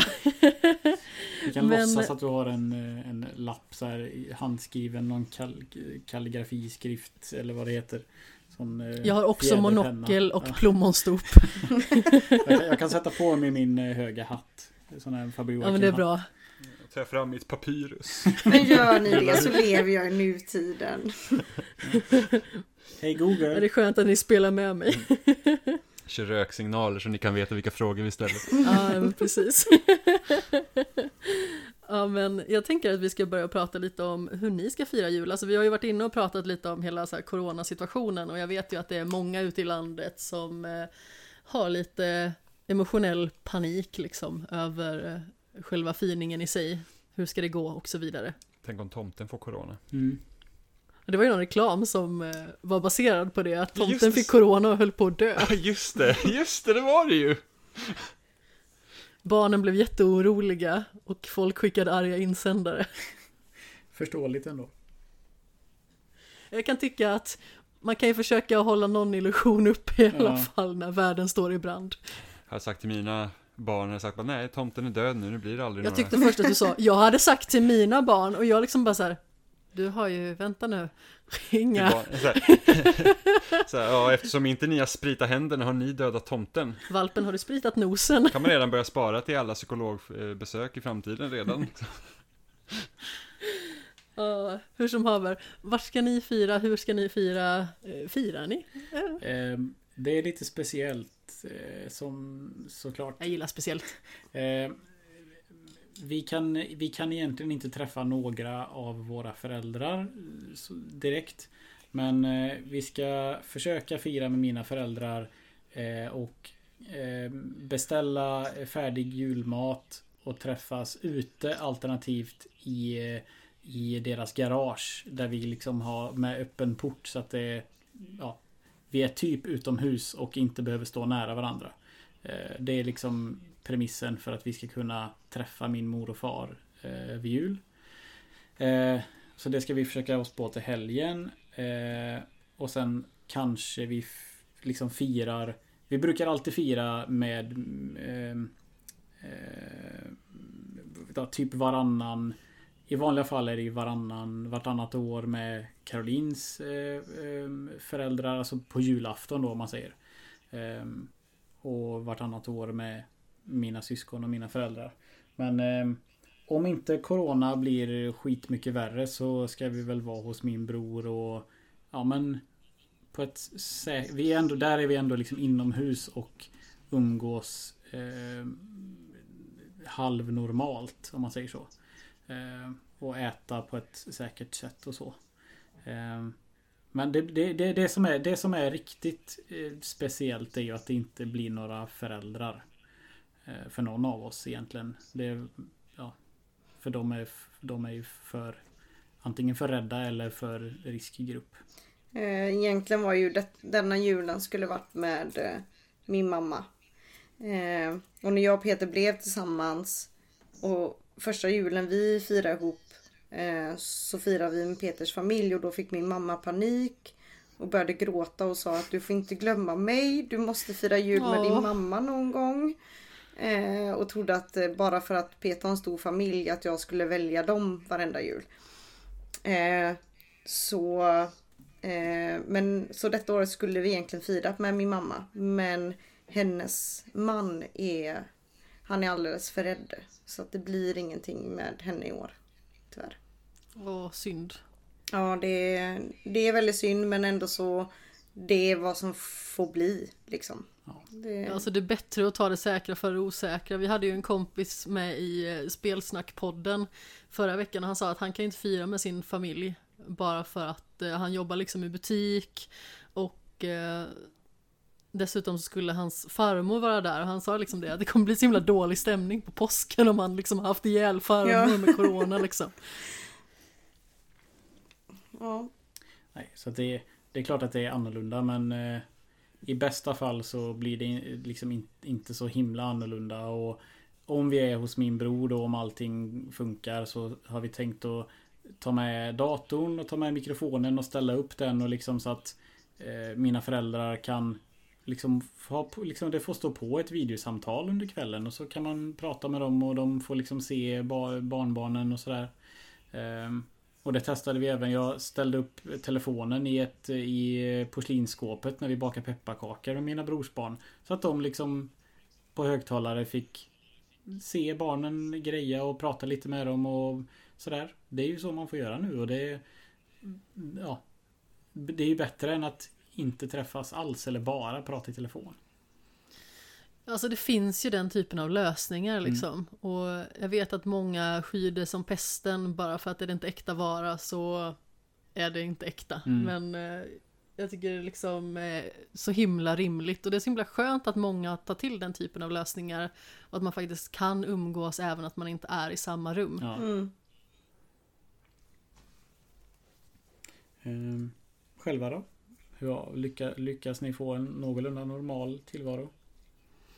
Ja, alltså vi ska fira med mina föräldrar. De bor ju så himla nära oss och vi ser dem ganska så ofta i och med att dels så tränar de ju på gymmet eh, respektive jobbar på gymmet Mm. där i alla fall jag jobbar och tränar och nu har ju vi haft ett litet uppehåll från att träna själva i gymmet i och med att det ändå är en del folk på vissa tider och eh, i och med att Jimmy är i riskgrupp så har vi försökt att hålla oss borta därifrån och tränat hemma istället. Men alltså ofta så har vi ju träffat mina föräldrar där och sen så har de dels varit över på någon höstmiddag, vi har varit och ätit hos dem någon gång. Min pappa fyllde 65 för bara två dagar sedan och i helgen så var de på middag hos oss. Så då har vi ju sett dem eh, en hel del. Mm. Så, så de känns det ganska safe med och visst, de är ju inte purunga längre. Men vi är väldigt försiktiga och de umgås inte heller direkt så himla mycket med, med någon. Förutom liksom eh, potentiellt i jobbet. Och eh, pappa har ju vidtagit försiktighetsåtgärder med sitt företag och sådär. Mm. Och de är ju mestadels ute. Så vi ska träffa dem och sen så skulle vi ju egentligen träffat eh, några av våra närmsta vänner som bor i Uppsala. Men vi får se hur det blir. Det lär förmodligen inte bli av. Det beror väldigt mycket på alltså, vilka de umgås med också under julen. Och sådär. Och Uppsala i allmänhet är ju en ganska så riskfylld stad att vistas i. Mm. I och med att det är en studentstad och det är mycket folk och det är hög smittspridning där. Mm. Mm. Så det är synd för det är ändå en tradition som vi hade väldigt gärna velat vidhålla men vi kanske kan köra videolänk där på nyårsafton till exempel också. Mm. Köra en favoritpris från förra året egentligen med middag och film och grejer. Mm. Eller vad säger du Jimmy? Ja. Nej men jag har tänkt att fira jul själv. Nej men precis. Vad hemligt av dig. Ja precis. Ja, du får fira med dina föräldrar och jag typ, jag vet inte, fira hemma. Vi sitter här med alla katterna, eller alla katterna, katterna och hunden. Äter katterna.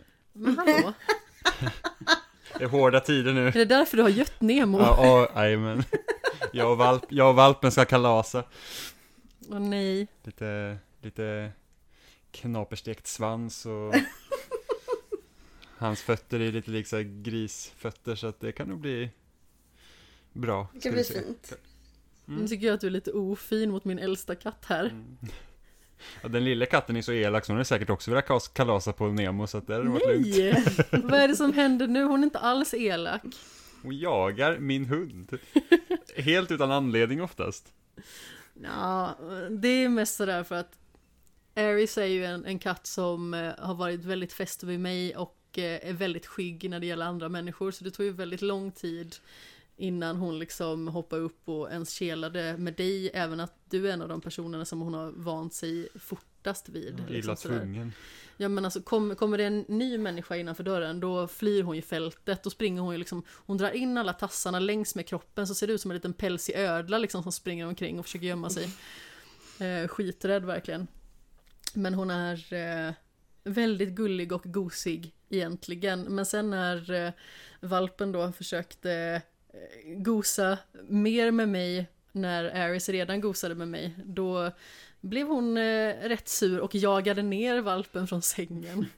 Ja, Och, sen, katten är typ hälften så stor. och sen dess har varit på hennes killlist.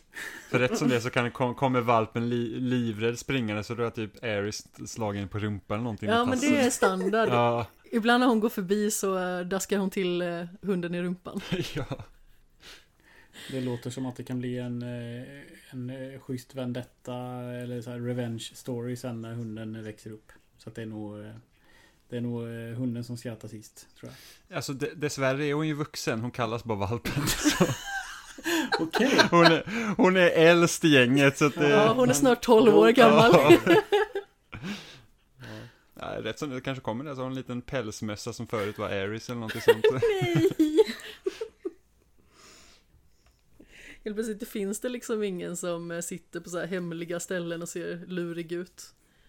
Ja, vad sorgligt. Så kan vi inte ha det.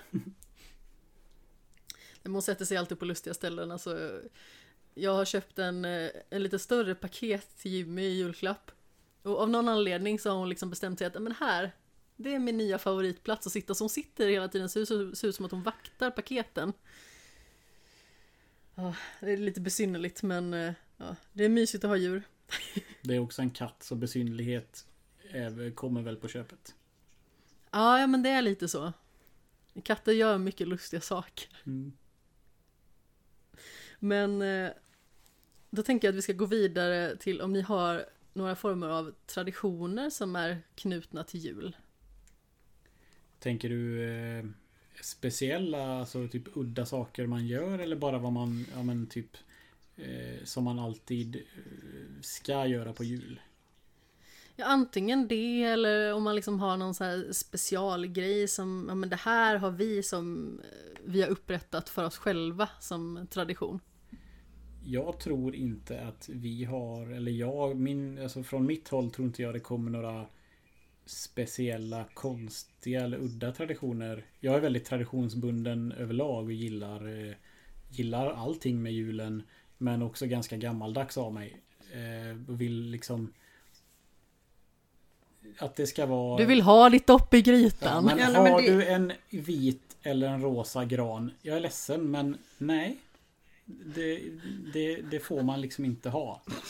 Då hamnar man på din dödslista. Nej, Stå upp för den gröna granen. det är det man, men liksom där, där, är jag eh, tj- tjurskallig. Eh, med sådana, så, det tycker jag inte är så fint.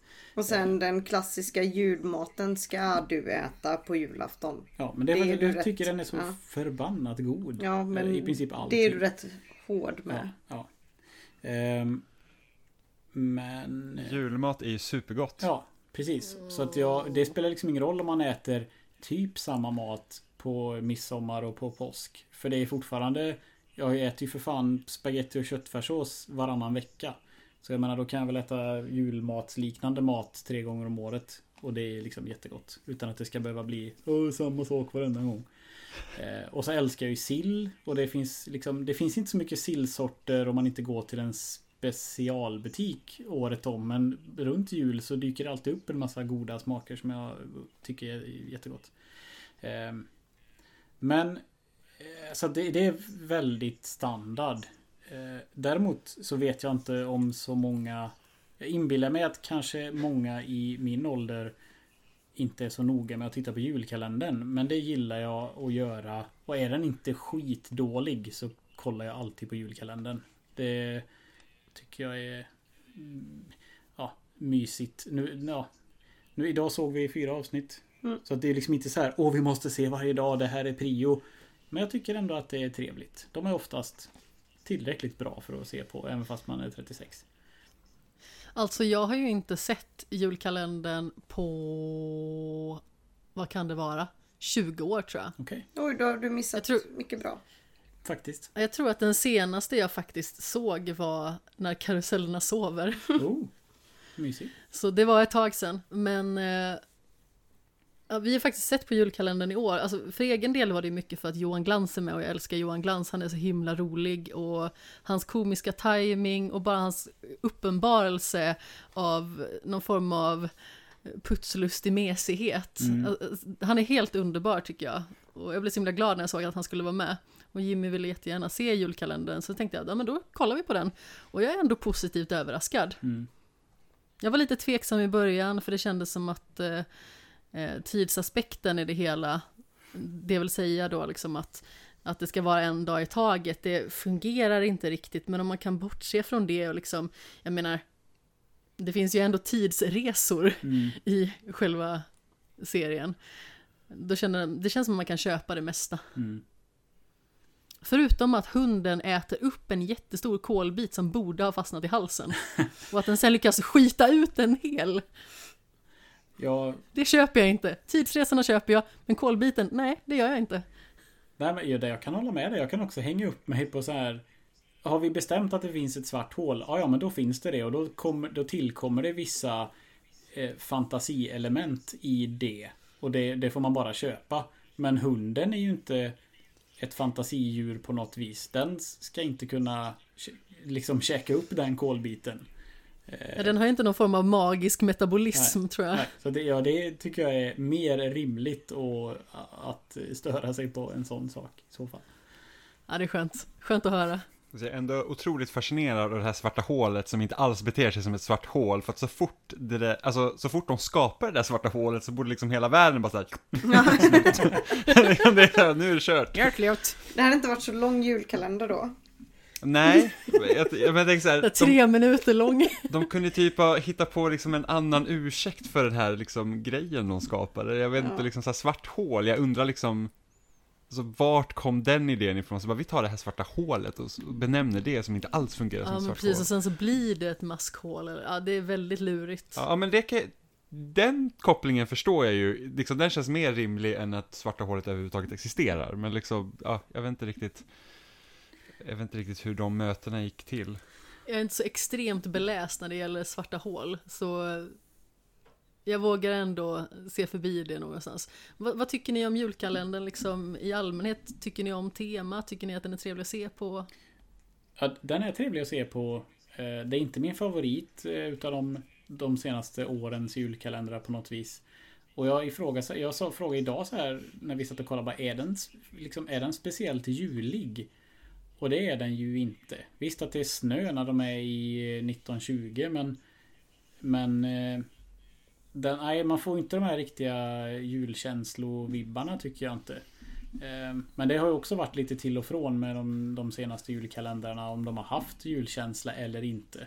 Många tyckte ju att den här, eh, vad heter den? Tusen år till jul. Tusen år till jul, ja den var så himla dålig för det var, liksom, den var för modern och sådär. Men den tyckte jag hade en väldigt hög mysfaktor. Den var ju jättebra tyckte jag. Ja. Medan den som kom året efter var ju väl den här när de bodde i den här lilla staden väl. Det var ju extremt juligt. Den med Lena PH.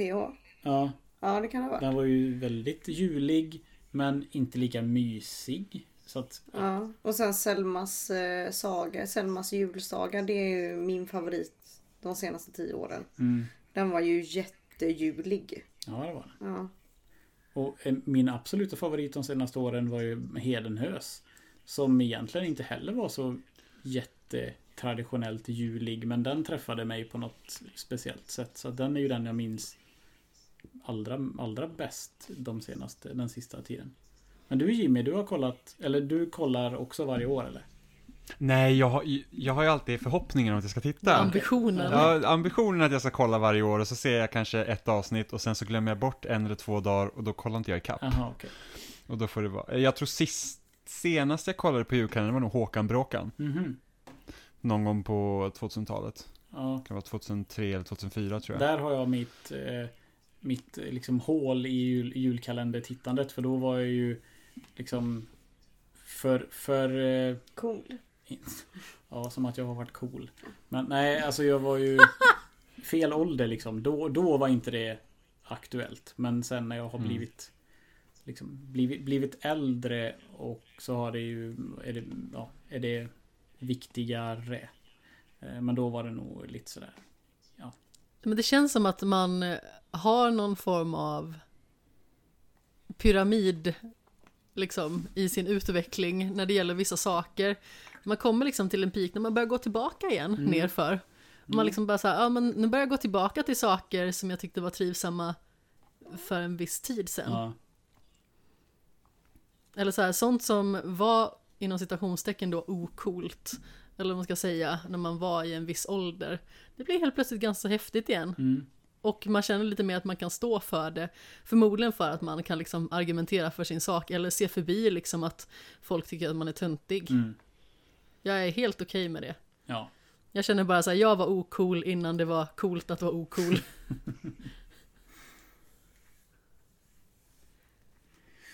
alltså jag har ju liksom en sån eh, tradition som jag gillar att vidhålla och det är ju eh, Karl-Bertil Jonsson. Ja, ja, ja.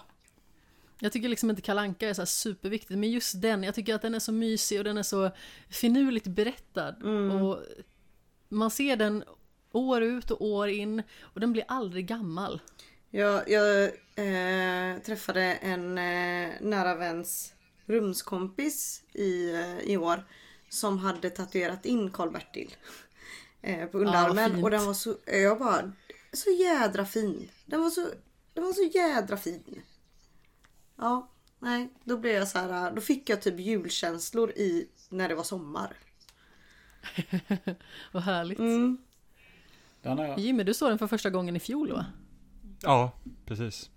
Jag har aldrig liksom varit så att jag kollar på, ja, förutom kalanka emellanåt, men vi är, jag är ju liksom uppvuxen på en hästgård, så liksom det har ju aldrig funnits tid till liksom att sätta sig ner och kolla liksom mitt på dagen på grejerna. Eh, Även kalanka har jag också missat de flesta åren för att ofta... Dina alltså- föräldrar hade inspelat eller något sånt Ja, vi hade kalanka inspelat så vi kunde se kalanka året om, så att det var ju liksom inte några problem. Eh, 89 års upplaga eller vad det var. Eh, men, eh, och sen så, de sista åren jag bodde hemma så var det jag som lagade all julmat, så att jag stod ju bara och höll på i köket hela dagen. Så att jag, jag har inte sagt att jag ko- måste kolla på någonting på julafton. Det är ju verkligen din plats under julen. Du älskar att stå i köket. Ja, inte bara det, laga mat och mycket mat. Ja, alltså i fjol då firade vi i din lilla lägenhet som du hade då, vad är den, 23 kvadrat eller någonting? 21 till och med. Ja, den är pytteliten och du lagar mat för typ 10. Jag lagar absolut den minsta mängd julmat man kan laga. Mhm. Om man vill ha allting med. Det är sant. Det var väldigt roligt i alla fall för att vi skickade eh, liksom den här bilden då på vårt julbord till eh, våra kompisar i spelsnack. Och eh, folk liksom ifrågasatte hur många vi egentligen var i den här lägenheten om vi hade börjat starta något kollektiv eller så. På Det 21 var bara vi två och du fick äta skinka i typ en vecka. Ja, gott. Är det, är det någon eh, mat som ni har lärt er uppskatta eh, på äldre dagar? Ja, alltså, eftersom jag är ju, eftersom jag är finsk från början så har, så har ju liksom vi finska rätter på julbordet, så här morotslåda, kålrotslåda och sådana saker som verkligen är pesten när man är liten. Ja. Alltså verkligen så att det där är så vidrigt så att det är liksom, jag älskar julafton och sen så är det så att så ska vi äta och så bara måste smaka morotslådan och kålrotslådan, det är liksom, det var ett krav. Jag tycker ändå leverlåda låter värst. Ja, det behövde vi inte fan. äta för att mamma åt inte det. Så att alltså mamma åt, det måste alla andra också äta. Eh, och det är ju någonting som jag tycker om idag. Alltså jag tycker jättemycket om morotslåda till exempel. Mm. Och det är ju egentligen det är som en morotsgratäng med grötris i. Okej, spännande. Eh, det är jätte, jättegott. Så att det, och det är så att jag kan inte laga det själv, utan då måste man liksom hitta det i butik. Mm. Eh, och det är inte det lättaste, i alla fall inte här nere. Mycket lättare i Stockholm, för jag antar att det bor fler finlandssvenskar i de regionerna. Här nere så fick jag liksom gå runt i varenda matbutik innan jag lyckades hitta en på Coop. Du ägnade en av mina arbetsdagar till Ja, att till att, och till att börja vandra runt i Alingsås för att leta efter finsk julmat. Så det är väl typ det. Är väl typ det. Och sen brysselkål faktiskt är någonting som jag har lärt mig att gilla på äldre dagar också. Mm, jag med. Brysselkål och grönkål åt jag aldrig när jag var liten. Inte vad jag kan komma ihåg i alla fall. Det var ju bara sånt konstigt. Och även Även eh, alltså, såna, är det inte typ varm rödkål eller brunkål eller något? Som man, Ja, Ja, rödkål. Ja, rödkål är det kanske. Eh, det tyckte jag också bara så äckligt ut. Jag åt visserligen inte sill heller när jag var liten, men det, det, det har jag gillat så länge så det känns inte som en sån här en grej som jag har börjat uppskatta på äldre dagar eller vad man ska säga. Ehm, Jag är evigt hopplös när det gäller julmat, det är verkligen inte min grej alltså. Okej. alltså jag vill gilla det för att det ser mysigt ut och eh, det är liksom en hemtrevlig grej som man gör tillsammans. Men just när det gäller julmat har jag verkligen smakpalett som en femåring. Det är liksom köttbullar och korv och Mm. potatis. Jag, jag, kan, jag kan sträcka mig till att korven behöver inte vara med längre. Jag tar typ en prinskorv. För det, allt annat är liksom hög prio jämte en korv. Köttbullar också kanske. Nej, Alltså, köttbullarna måste vara med. Köttbullarna är... Ja, försök inte nu Peter. Ja, köttbullarna nu är ryker halva mitt julbord. viktiga. de är viktiga men det är också, de är också väldigt vanliga. Men jag vill visserligen, visst jag vill väl ha köttbullar också. Men eh, nej. Hade jag, hade jag bara sett till mig själv så hade jag nog skitit i prinskorv faktiskt. Eh, Den hade fått stryka med. Jag har ju myglat in potatisgratäng på vårt julbord bara för att jag tycker inte om fisk. Nej men, nej, men det är Helt ju- okej. Ja, det är många också. Det är väl ju liksom ett vanligt eh, förekommande för de som inte gillar eh, ansjovis. Mamma gjorde ju alltid Janssons frestelse när jag var liten med lax istället. Och Jaha. det var jätte, jättegott. Eh, nu har ju, har ju jag lärt mig att gilla ansjovis. Liksom, så att nu gör vi en vanlig Janssons frestelse. Men det var väldigt smart av mamma tyckte jag. Att byta ut mot lax. För att det var ju svingott. Jimmys ögon började tindra Ja, men det, här. låt, det lät verkligen jättegott. Alltså lax är ju den bästa fisken. Ja och det var liksom alltså liksom, potatisgratäng med laxbitar i. Det är ju Ja det var supergott. Verkligen. Det kan jag rekommendera om man inte tycker om ansjovis då. Så byt ut det mot eh, lax istället. Jag håller mig till gratängen tror jag. Men eh, och hur, egentligen hur mycket jag än gillar eh, julmaten. Jag skulle ju kunna utan problem överleva och vara väldigt glad samtidigt på skinksmörgås i typ tre veckor. Eh, vörtbröd med julskinka. Det är inga problem. Det är jättegott. Ja, verkligen. Jättetråkigt. Som sagt, alltså, jag har varit en ganska så ojulig person i många fall. Alltså, det har varit liksom så här tillfällen när man känt att ah, men nu är det verkligen extra mysigt att fira jul. Det kan vara liksom att man eh, umgås extra nära med familjen eller sådär. Eller det kan vara något annat tillfälle när vi har varit iväg. Alltså, jag har ju verkligen gillat att fira jul hemma för att när jag var liten så firade vi ofta hos min mormor och morfar eller så firade vi hos mina kusiner och när vi började fira jul hemma så märkte jag att ah, vad skönt det är att, att bara vara så här få och bara liksom mysa tillsammans och vi har våra egna regler. Eh, man behöver liksom inte stissa runt med alla andra som är julstressade utan man kan bara ta det piano så kanske man hälsar på folk på typ eh, juldagen eller eh, annandagen eller sådär. Eh, jag har ju släkt eh, som är från Skåne och Blekinge och eh, också bor i Stockholm liksom. Så folk är lite utspridda. Mm. Så det känns liksom skönt att bara så här. Vi bestämmer inte att vi ska vara någon speciell stans, vi är hemma. Men sen så i och med att jag har varit ganska anti-julmat och är lite kräsen och sådär. Så hade jag och mina föräldrar inrättat eh, italienskt julbord så att säga då inom citationstecken verkligen. Med eh, spenatrulle och liksom kallskuret, ost och så vidare. Pasta i olika former, tiramisu till efterrätt och sådant. Just på jul, alltså vi brukar ju ses och äta liksom riktig julmat då, någon dag innan, på lilla julafton till exempel. Eh, vilket jag och Jimmy ska äta i år då. Och sen så äter vi italienskt julbord på, på julafton hos mina föräldrar. Mm. Men ja, det är en sån eh, personlig tradition som jag har gillat. För att då ser jag väldigt mycket fram emot att liksom äta den så kallade julmaten. Väldigt, väldigt mysigt. Mm. Ja, det viktigaste är ju väl att man tycker om det som är på, på matbordet liksom. Ja, absolut. Alltså jag känner så också. Och precis som jag säger, jag är en ganska så kräsen person. Jimmy försöker hävda att jag inte är så kräsen, men jag är ganska så kräsen. Jag har sett mycket värre, det är ju det. Ja, ja, men du, du har varit kompis med någon som inte gillar makaroner ens. Och jag känner också en sån person som inte gillar pasta och man bara, det är inte pastan i sig. Det var ju vad Det du måste äter ju vara det med. tillbehören. Men precis, tillbehören måste det ju vara. Ja. Humbug. Verkligen. Hur ställer ni er till eh, russin eller inte russin i brödet? Jag tycker ju att eh, russin är synonymt med djävulens rövhål och jag gillar inte alls russin. Nej, det är ju vidrigt i bröd. Och jag som är bagare Det är som liksom allmänhet. måste ha lägga i russin i bröd tycker ju att det här är, ja jag vill typ inte.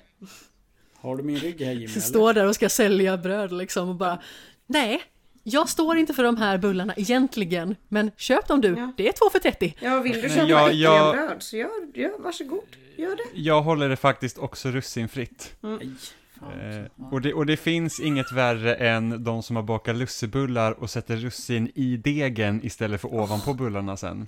Och då är man så här, vad är det här för elak person? Va- va- varför vill den här mig ont? Det är någon som inte vill ha vänner. Men jag gillar russin och äta dem som de är, men inte i bakverk. Nej.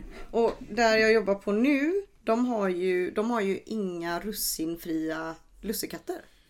Jag är så här, visst okej, hemskt. det, är- det är bara två russin. Men det hade varit schysst att liksom erbjuda russinfria lussekatter. Du bara säger jag måste ändra den här företagspolicyn. Ja, nej, men... Ja, Nej, Det är så jävla gött. Ju mer skit desto bättre. Inte, inte att man ska stoppa i liksom frön och nötter i en lussebulle men i, tor, så här, i vanligt bröd. Så här, torkad frukt och nötter och frön och russin och aprikoser och fan all, i, i med det. Ju mer desto godare.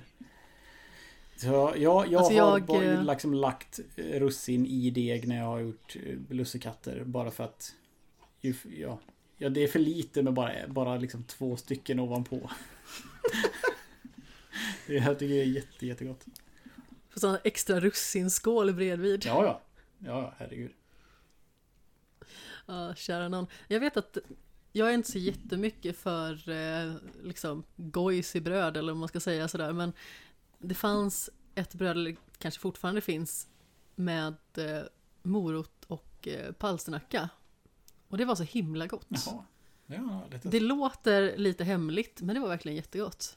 morotsbröd, Det är morotsbröd tycker jag alltid är gott. Alltså det, för det blir så himla saftigt och det blir Det blir någon slags sötma i det. Ja men absolut, alltså, jag vet Det låter ju så himla tråkigt i och med att det är ett storföretag men Espresso House har så förbaskat jäkla goa morotsmuffins. Alltså det är fånigt. Jag skulle kunna föräta mig på den skiten. Mm. Och det är kardemumma i. Så himla mycket kardemumma. Ja, kardemumma är ju typ den bästa bullkryddan någonsin. Alltså kanelbullar kan ju slänga sig i väggen. Kardemummabullar, det alltid vad jag beställer när jag går, när jag går till bageri och vill testa deras grejer. Då, då, jag, jag liksom beställer alltid en kardemummabulle och på den så dömer jag liksom om det är ett bra bageri eller inte. Ja men det är fint. Men du som bagare, alltså, har du några så här speciella saker som du typ alltid vill baka eller koka eller så på julen? Eh, på julen vill jag alltid göra saffransbiscotti med eh, pistagenötter. Oh. Eh, det tycker jag, det är för mig rätt så viktigt. För att det är sånt där, det är inte för kött och det är så här. Det är små liksom mumsbitar bara. Man, man blir inte spyfärdig av allt socker liksom. Eh, sen så har ju jag gjort några jular. Eh, något som jag kallas för, kallar för Peters favoritgodis. Som är liksom det enklaste någonsin. Det är bara Det är inte så juligt i sig men jag blandar ut geléhallon och saltlakritsgodis. Och sen häller jag smält vit choklad på och sen bryter jag det. Eh, när det har stelnat. Och det älskar Peter och det är jätte, jättegott. Mm. Eh, sen så är ju lussebullar är, tycker jag är jätteroligt att göra. Eh, Alltså dina var ju fantastiskt fina. Jimmy blev jätteavundsjuk. Jag bara, åh kolla vad fina bullar Carolina har gjort. Ja. Jag bara, jäkla och Carolina. där strategiskt tog jag kort innan jag la i russinen för jag vill inte jag vill liksom presentera någonting som jag tycker om. Så då, då tog jag inte stå på för det russinen. innan det var russin i. Eh, ja nej, men det tycker jag är jätteroligt att göra sådana eh, lussekatter S liksom. Eh, Kollar jag på mina lussebullar som går ut som en Frankensteins monster i jämförelse. Men de var goda. Var de, men de var inte fina. Alltså det var så himla roligt för vi var i butiken och dividerade fram och tillbaka sådär. Jag- tyckte att men det räcker att göra en sats. För jag menar, vi är två personer som ska äta bullar och sen så kände jag att ja, men jag vill ändå ge bort några så det blir liksom inte så extremt mycket bullar. Vi kommer inte gå och känna oss som att vi har ätit, ätit gäst liksom i en vecka. Ja. Eh, men sen så lyckades Jimmy eh, av någon anledning kuppa in att vi skulle ha dubbelsats. Alltså, den degen i den bunken, alltså det ser ut som en gigantisk gul svamp. Den var helt galen. Det blir jättemycket bullar. Det Du blev jättemycket bullar. Jag var otroligt lycklig. Jag åt bullar i, vad räckte de i? Ja, en och en halv vecka tror jag. Jag smällde i mig ganska mycket bullar faktiskt. Du bara så här, jag måste, jag måste fixa extra insulin för det här. det var jättegott. Det var typ såhär, ja men tar man två bullar på morgonen till frukost, sen kan man ta en bulle till lunch och sen kommer kvällen och det är middag, då kan man ta köra lite bulle till. Lite nattamat. Ja, Jag eh, har ju typ inte bakat bullar på säkert 15 år. Mm. Så det var en väldigt kul upplevelse. Alltså jag gjorde ju någon form av hybridbulle istället med eh, liksom en, en kanelsnäcka Mm. fast med saffran i, liksom, eller lussebulledeg. Liksom. Mm. Och det var väldigt mysigt och jättegott. Mm. Så jag är också nöjd. Eh, sen så hade jag tänkt att så här, komponera någon form av eh, egen eh, jultårta tjoflöjt. Så det ska vara någon form av eh, kladdkakebotten eller något dylikt med en mjuk chokladpåla på och sen eh, lite krossade pepparkakor och sådant. Så eh, det kan bli spännande. Jag gjorde något liknande. För två helger sedan så gjorde jag en eh, chokladkaka med eh, och så gjorde jag en eh, pepparkaksfrosting. Med, Åh, eh, så jag hade, gjorde en frosting med kakao i och sen eh, nejlika och kardemumma, kanel och ingefära. Eh, gud vad och gott sen det lät. krossade jag Alltså, eh, pepparkakor på det också. Och det blev faktiskt väldigt gott. Peter åt väldigt mycket av den kakan. Alltså jag hade ju varit Peter i det scenariot. Jag hade bara stått och väntat så med händerna på diskbänken bara, är det klart snart? Får jag slicka skålen? Eh, sen förra året så gjorde jag eh, hemmagjorda dammsugare fast med mjuk pepparkaka som fyllning. Eh, Och så röd marsipan och det var väldigt, väldigt gott. Mm, väldigt snygg. Det låter ju fantastiskt gott. Jag älskar ju mjuk pepparkaka. Det slår ju vanliga pepparkakor alla dagar i veckan. Ja, jag är ju en sån här eh, skymfperson som föredrar mina pepparkakor med ost om de ska vara hårda. Mm. Jag äter extremt lite pepparkakor. Jag vet att många äter det som knark månaden innan jul, men jag, jag kan inte komma ihåg när jag liksom åt en pepparkaka liksom bara sådär senast, utan det har liksom varit sådär, man tagit en liten pepparkaka, eh, lite blåmögelost på, trevligt. Mm. Jag tycker inte pepparkakor är så himla spännande faktiskt. Och jag föredrar mjuka pepparkakor. Alltså degen är ju det godaste nästan när det gäller Ja, pepparkakor. det, så, nu när vi har ju kört, vi har började med, på det bageriet jag jobbar på, så började vi med pepparkakor i oktober. Och jag kanske sammanlagt ätit max fem pepparkakor totalt. Men Ja. jag har ätit mycket mer pepparkaksdeg när jag har stått och kört. Liksom. Eh, varför blir det bara hälften av vad vi har beräknat till? Nej, ingen aning, alltså ni måste ha beräknat helt fel. Kan inte vi kolla på er Excel-fil? det här är varför man gör dubbelsats. För att man ska äta halva? Det finns risk för att man äter halva, då må man i alla fall gardera sig. Smart. Åh, kära någon. Nej men eh, alltså, baka tycker jag egentligen är mysigt.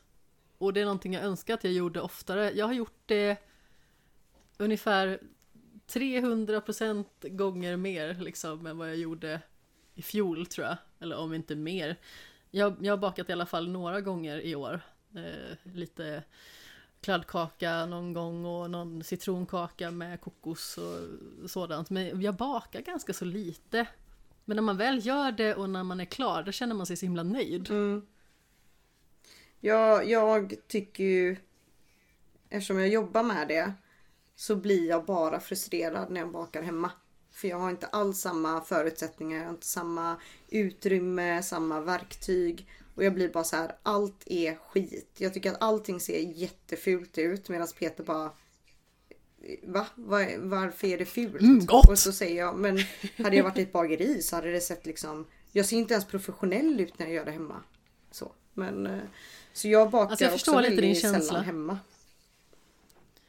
För mig är det liksom lite grann likadant nu när vi tränar hemma. För det är så tråkigt i relation till att träna på gymmet. Alltså jag tycker ändå att vi har fått till ganska många roliga pass här hemma. Men det är svårt att vara innovativ för att på gymmet finns mycket mer redskap. Mm. Så det är lite samma grej där liksom. Alltså, jag som har jobbat med träning väldigt länge känner jag att ja, jag måste verkligen vrida och vända på min fantasi här för att komma på roliga saker som vi kan göra med väldigt få redskap. Alltså typ gummiband och en matta. Mm. Enligt Peter Sipen så kan man ju se ut som Peter Sipen bara med ett gummiband i princip. Så... eh, Ja. Ihärdighet... eh, Trä, trä, vad heter, trägen vinner eller något säger man väl. Ja, jo, men det gör man. Eh, Jag kan tänka mig att det absolut fungerar bra. Alltså, både du och jag har ju instruerat CX Works till exempel och där kan man ju träna väldigt effektivt med bara gummiband.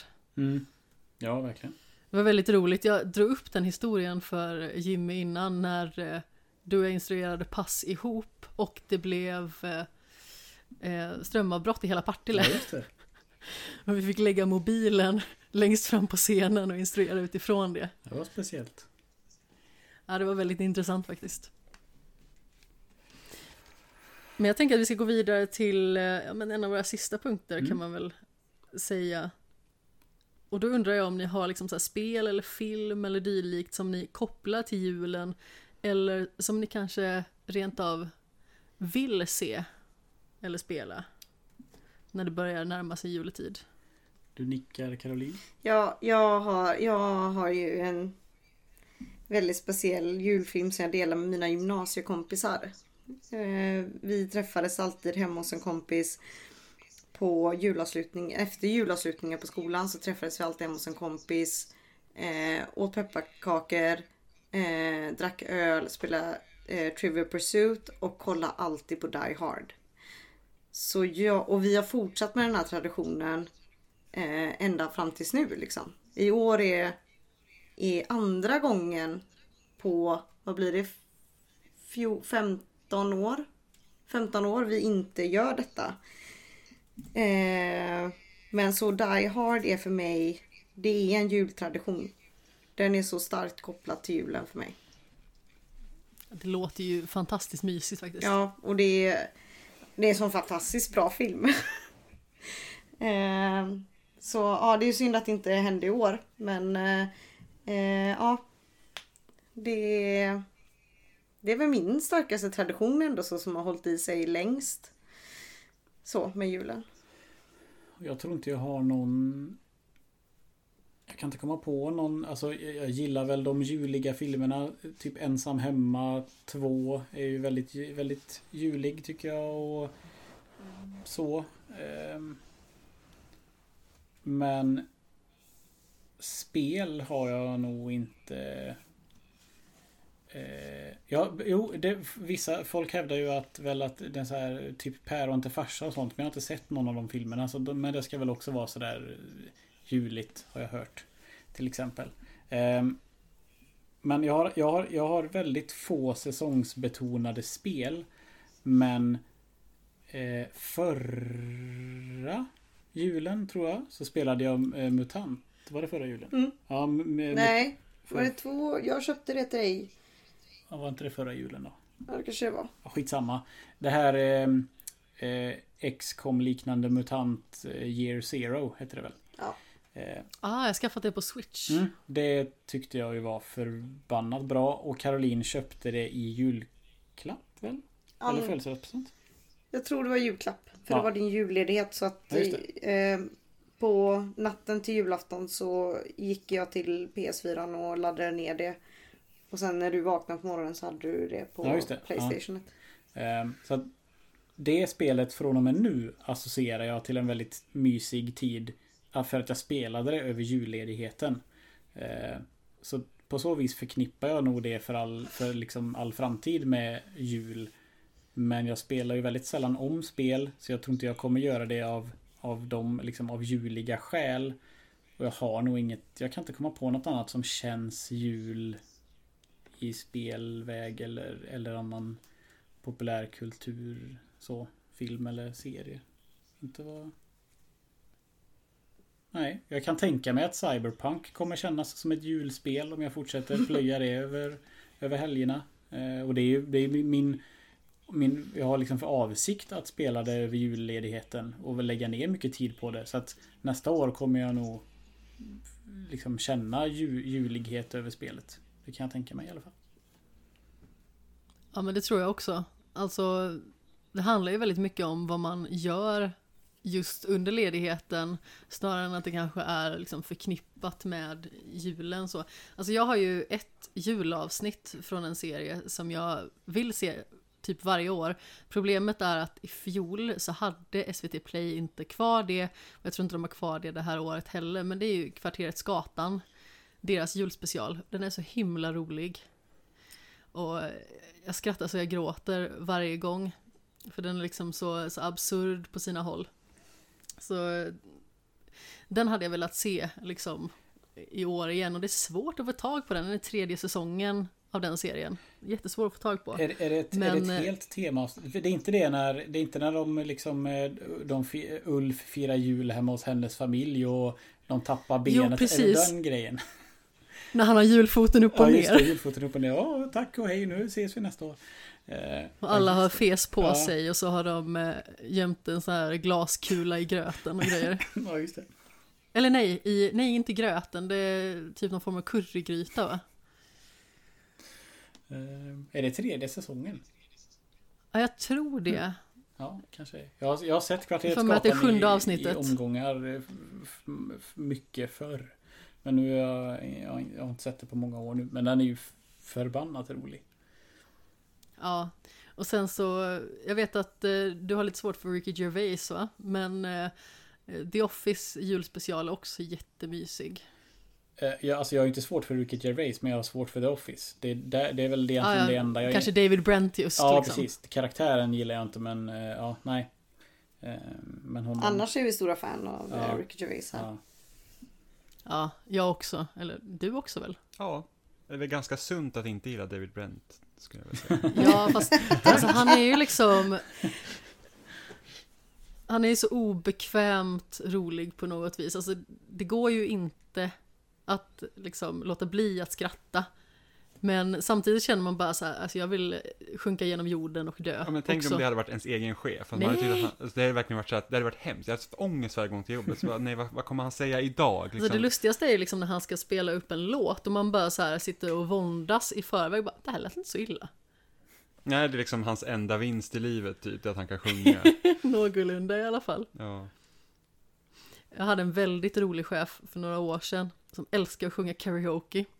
Så vi hade det på en eh, liksom invigningsfest för att vi hade byggt ut ekonomiavdelningen så att den blev större. Så när vi liksom klippte bandet på nya delen av ekonomiavdelningen då hade vi karaokefest och eh, utklädnad samtidigt. Och eh, det var väldigt skoj faktiskt. Och eh, i sedvanlig ordning så var jag för obekväm med att eh, ställa mig liksom i den stora folkmassan och sjunga karaoke så jag väntade typ till att det var åtta personer kvar och min chef hade sjungit jättemycket. Så när det var liksom lite folk kvar och bara mest de som var från ekonomi just och de som stod mig närmast så var du, eh, du skulle inte vilja sjunga en sång tillsammans med mig. Så då gick jag och min chef upp och drog av en duett. Det var roligt. Ja, det är härliga tider jag är ju ingen partyprisse på det sättet heller liksom. Alltså, jag kan tycka det är kul att vara liksom i festsammanhang för att umgås med folk, men jag är ju liksom ingen eh, person som konsumerar vidare mängd alkohol heller. Så ibland så kan man känna att man är lite malplacerad på grund av det. Mest för att folk oftast eh, måste fråga väldigt många gånger varför man inte dricker. Ja, det känner jag Man får den frågan väldigt ofta. Eh, eh, på tal om eh, att jag kom på en tradition nu som jag tycker om. Och inte för fyllans skull, men jag gillar att gå och leta julölar på systemet och köpa lite olika. Ja, ni brukar ha, du, din bror och din pappa har ju så här julölstestning på julafton. Där ni sätter betyg på Mm. det du har köpt. Mm, jag har haft i alla fall två Har ni hittat någon speciell öl som har varit så här trevlig? Jag kommer, jag kommer inte ihåg, alltså jag bara plockar på mig typ 10 stycken som, he, som heter eh, julöl eller årets eh, utav vad det nu kan vara. Och liksom, ju mer udda desto bättre. För att jag, ja men jag blir bara för att det är lite extra festligt. Eh, för jag tycker egentligen inte så mycket om julölssmaken. Jag föredrar en vanlig lager eller en liksom något annat framför just julölen. Men det, det är bara för att de, det, de finns under den här säsongen och det är kul att testa. Och så, och så, liksom, så är det, sen är det bra så. Eh, Så det kanske är någon sorts tradition Ja, det är en tradition som jag vill upprätthålla. Eh, Så det hade, det hade liksom lika gärna kunnat vara alkoholfri öl. Fast det är, det är ju så mycket svårare att få tag i ett brett utbud. Så att ja, I det fallet är liksom fyll, fyll, eh, fyllefestandet har ingen, liksom ingen, ingen inverkan i att jag vill dricka julöl. Alltså jag hade en period där jag provade en del olika suröler. Mm. Alltså både utan och med alkohol. Och då var det en som var ganska trevlig som känns ganska så julig som hette Tonkanilla Mangorange av eh, Dugges vill jag minnas att det är. Mm. Och den är lite sådär eh, ja, men, söt och kryddig och sen alltså så här, klassiskt surölsfruktig. Mm. Den var väldigt trevlig faktiskt. Sen så är inte jag så ölig i allmänhet så jag tappade det intresset ganska så fort. Men eh, just suröl tycker jag ändå är trevligt. Just för att jag är liksom lite mer en läskperson. Så. Mm. Jo men det kan jag det, det, det kan jag också tycka köpa på mig lite olika Bara för att se, ja den här ska smaka Hallon eller den här ska smaka inte vet jag. Sen är de är liksom, det är inget som man konsumerar någon stor mängd av. Men det är också bara roligt för att få lite variation. Ja, men det kan vara roligt att testa ibland. Alltså, det finns ju så himla många så skumma smaker. Det var någon gång jag testade typ så här persika och popcorn den var verkligen vedervärdig. eh, och sen så fanns det någon lemon meringue pie som var supergod. Alltså, så det låter ju helt absurt i många fall. Men eh, det kan verkligen vara himmel eller helvete. Jag hittade en suröl för, eh, för i somras. ehm, som hade en väldigt fin etikett. Så jag köpte den, eh, jag köpte den eh, i princip av den anledningen. Och sen visade det sig att den smakade om, om, man, om man tänker på samtidigt som man dricker den på en sån här eh, barnyoghurt som, sål- som säljs i eh, fyrpack. Sån här Så man får Danonino. bryta isär. De liksom sitter fast eh, i ramen längst upp. Ja, de är Damino, jättegoda. Ja, Damino tror jag de heter. Eh, den smakar så... Ja, men typ en liten drake eller någonting som maskot. Ja, precis. Det finns sådana Eller med dinosaurie. banan och aprikos. Och De den, är så himla goda. ja, den smakar som liksom, det är vä- väldigt tydlig aprikossmak. Så tänker man så här, ja, har du ätit den yoghurten någon gång och dricker ölen? Så är den ganska så lik eh, en, en yoghurtöl då skulle man kunna kalla det.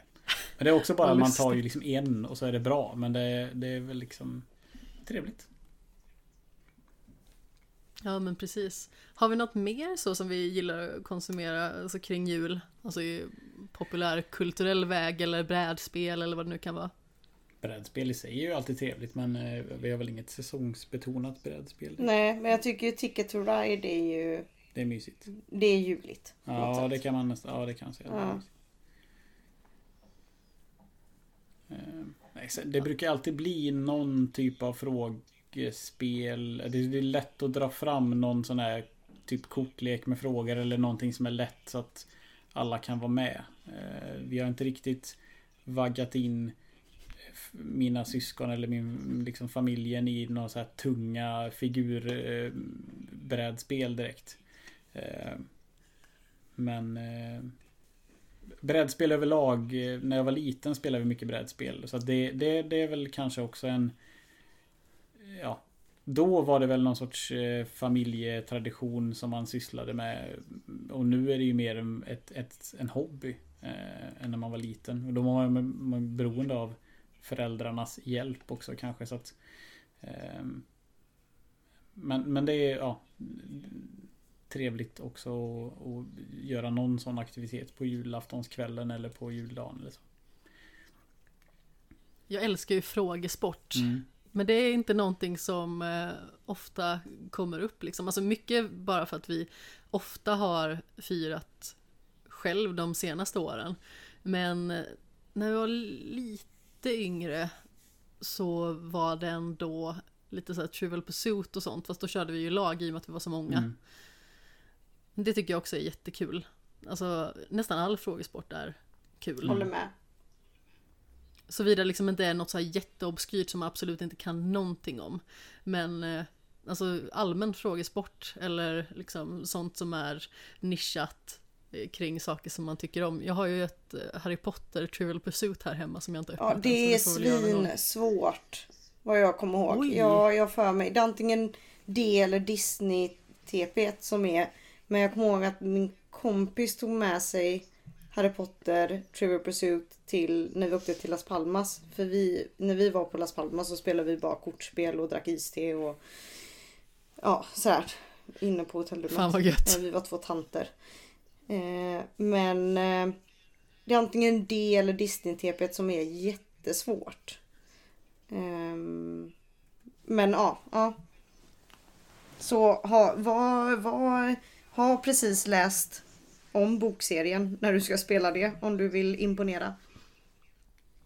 Ja, alltså jag har ju gjort så de senaste två åren, eller tre åren till och med, att jag har ju lyssnat om dem.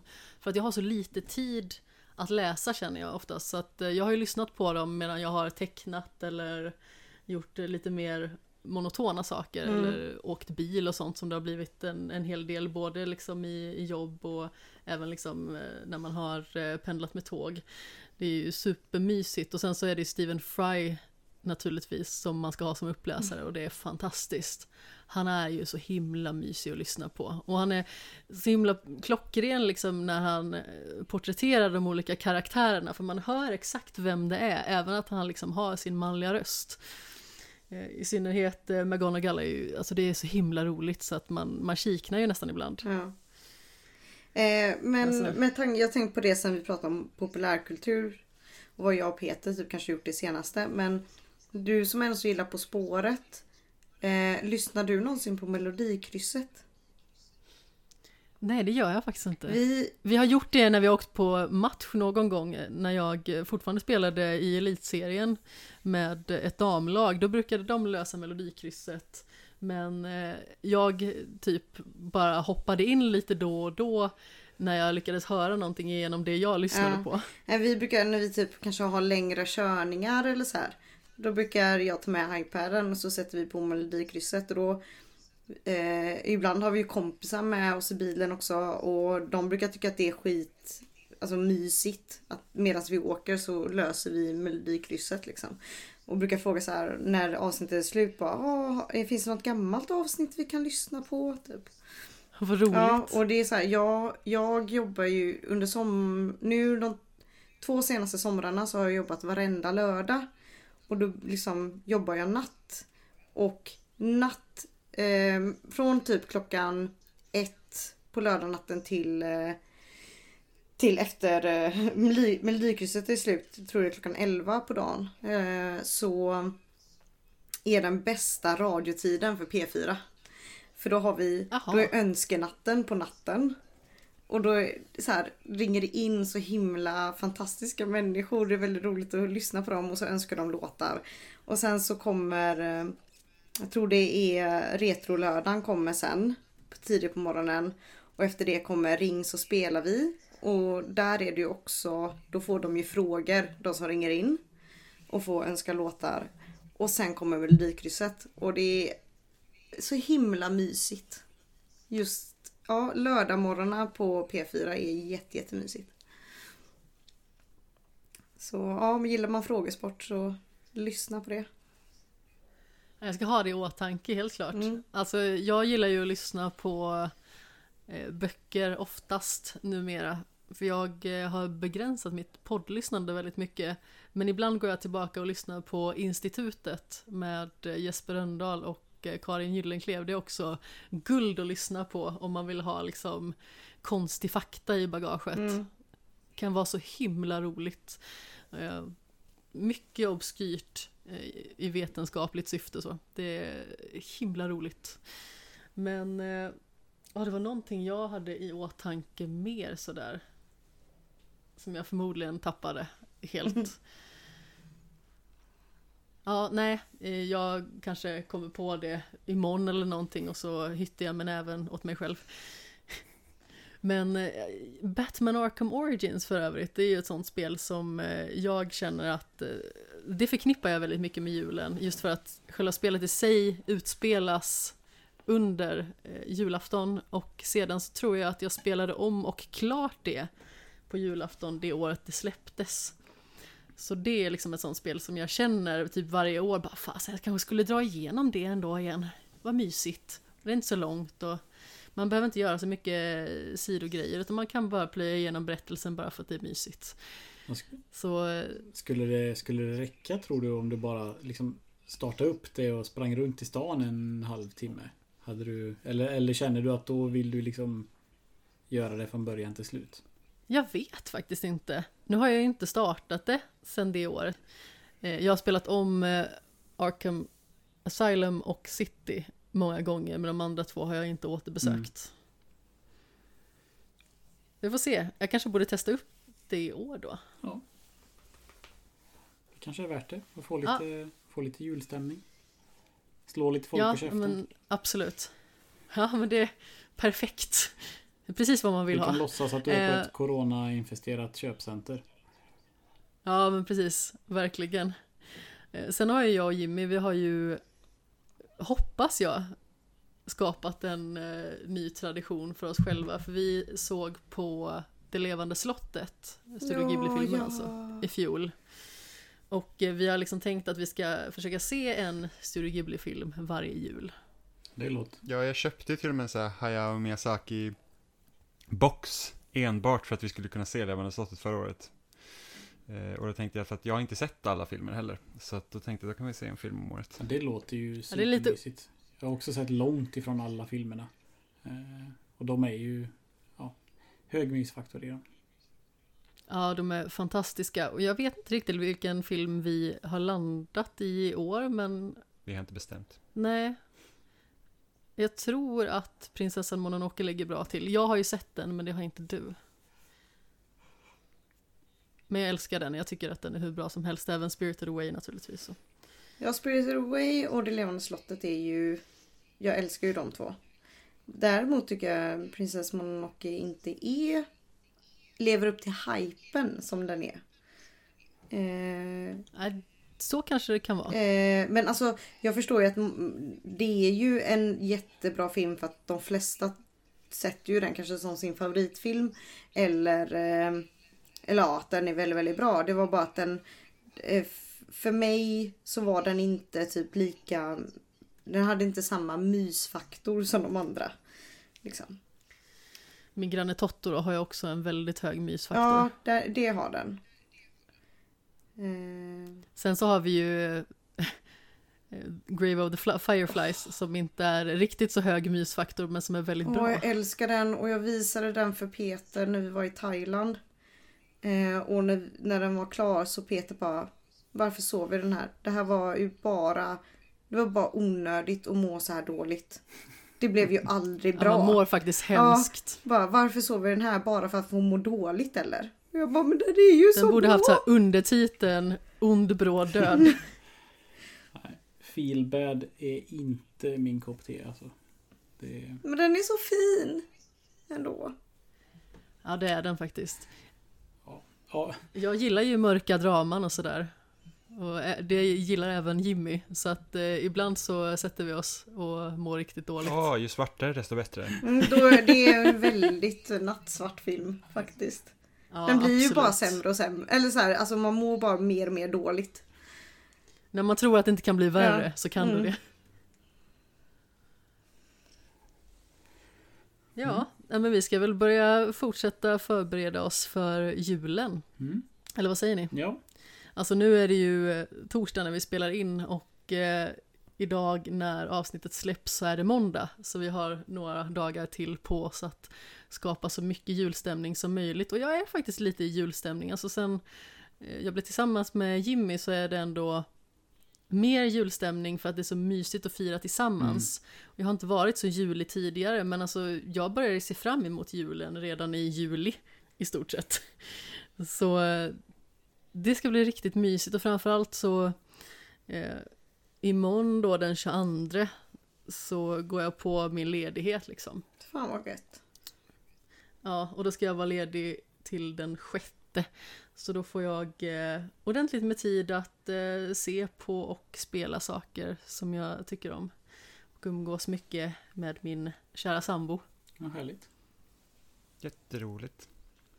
Vad sarkastiska lät. Det var- Du bara åh nej, ska du vara hemma? Ja, Vi var ju så lyckliga. uh. Ja. Får se om jag får... för vissa. Mm. Ja. Får ju se om jag får den där näsvanten i år som du har utlovat tidigare. Både födelsedagar och eh, jul. Nej, Det var så här, jag har jätte, jättekall näsa jämt av någon anledning. Övriga jag, jättevarm, är liksom ingen sommarperson utan eh, lever upp mer på vintern. Sådär. Men min näsa är alltid jättekall så Jimmy fick för sig tidigt i vårt förhållande att han skulle skaffa en näsvante till mig. Men eh, jag väntar fortfarande på den där näsvanten alltså. Får kolla på Etsy. Ja, du ska Ja. inte sticka en egen alltså? Och jag kan inte sticka. Jag får liksom en så här eh, folienäsvant. jag har format den själv. Ja, skydda mot konspirationsteorier. ja. Men om det är måndag idag då, då är det på... Det, det finns ju en möjlighet att det bara är eh, tre, tre dagar kvar tills du faktiskt får en eh, näsvante. ja, man vet ju Nej. aldrig. Precis. Jag tycker det saknas lite päls från Nemos svans. Nemo kanske inte har någon svans på julaftonsmorgon där. Ja, känner någon, vilken morbid detalj ändå. Men eh, ja, som sagt, vi ska börja kalla det en dag och eh, jag vet inte, pynta har vi redan gjort. Vi kanske ska baka eller eh, jag vet inte, vad gör man mer? Dopp i grytan. Uff, Nej, nej, fy. det kan kvitta. Lutfisk och dopp i grytan, det vet fan om det behövs alltså. Där går gränsen på gränsen. ja. Men eh, om man vill eh, följa era upptåg, vart kan man göra det för någonstans? Om ni vill att man ska följa era upptåg. Det är inte så aktivt nu för tiden. Eh, ehm, nej. Vi, vi, kan, vi kan ta still till ett år tror jag. Det, du, har inga, du har inga sociala medier som går att följa knappt. Nej, jag, är, ju- jag, är, jag har ju ingenting så här, som ligger ute officiellt. Eh, om, man, om man vill följa min privata Instagram så är det ju bara så här, lite bakbilder då och då. Eh, mycket kattbilder och så någon enstaka selfie. Eh, och då är det på Priya Nors Johansson. Men ja, jag är rätt selektiv med vilka som får följa mig. Eh, Men det är bra och viktig content. Det är så här, bakning och katter, det är plus, plus, plus. Ja, det, det, det är många som tycker om den kombon. Absolut. Alltså egentligen, jag följer ju orimligt många Twitterkonton eller, och Instagram som bara lägger ut bilder på katter. Så att, eh, man vet. Tänk då katter med bullar. Ja. Eh, Katt i bulle. Jag följer ju väldigt många sådana här eh, skyddshem för katter. Mm. mm, Där de har tagit in katter som Eh, hittats någonstans eller eh, de kanske har eh, lämnats bort för att de eh, skulle få kattungar eller sånt. Så det är väldigt mycket bebiskatter i flödet. Och det är väldigt hjärtvärmande och behövs. ja, vi kan ju tyvärr knappt kolla på videos med eh, kattungar. För så fort de börjar pipa så blir Jona galen och vill veta var kattungarna, var vi gömmer dem någonstans. Så att vi kan ju egentligen... Vad har ni gjort av mina kattungar? Så hon, hon är väldigt mammig av sig liksom. Eh, men så vi, vi kan ju egentligen bara kolla på kattungar men vi kan inte se, alltså, se videos där de låter. Det, det är väldigt gulligt när hon blir sån men eh, jag fattar ju att det är jobbigt för henne. Ja. Och Jimmy? Vart jag, finns du? Jag skriver om spel på loading.se och eh, pratar om spel i Spelsnack, som är en podcast.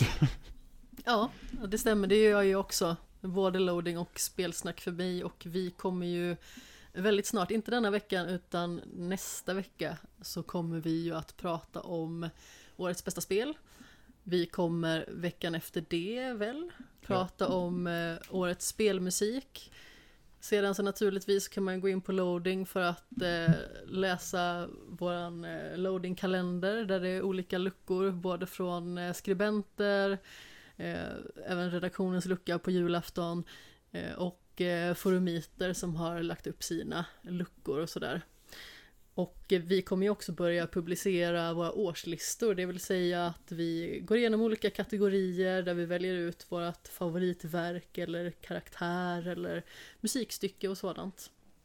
Så det kan man ta sig en liten kik på och eh, nyårsafton kommer den sista listan då med eh, vilka spel vi tyckte var absolut bäst. Så det finns mycket av den varan. Alltså jag tycker det är väldigt roligt med listor. Jag tycker att just eh, Gotitider är eh, fantastiskt mysigt att eh, förkovra sig i från olika hemsidor eller eh, communities och sådär. Så eh, jag är väldigt exalterad. Och det här är ju sista skämshögen avsnittet så att säga för säsongen. Alltså jag har ingen uttalad säsong och jag har ingen liksom så här utskriven säsong. Eh, förutom liksom i flödet för att det ska bli tydligt årsmässigt. Men det här är sista säsongsavsnittet och vi kommer börja med så kallat Shame of the Year då i avsnitt 60. Så då pratar vi om de bästa spelen, filmerna och tv-serierna från 2020. Så det ska bli roligt det. Men eh, häng kvar också här efteråt. För att eh, vi har klippt in våran lucka från loading. Jag och Jimmy spelade in en liten ljudbok tillsammans på ungefär 10 minuter eh, av eh, Julen kommer till Mumindalen. Som då är en nytolkning av Tove Janssons novell Granen. Så lyssna kvar om man vill ha lite extra julmys från oss två. Annars så säger vi puss i ljumsken och god jul. God jul och gott nytt God år. jul! God jul!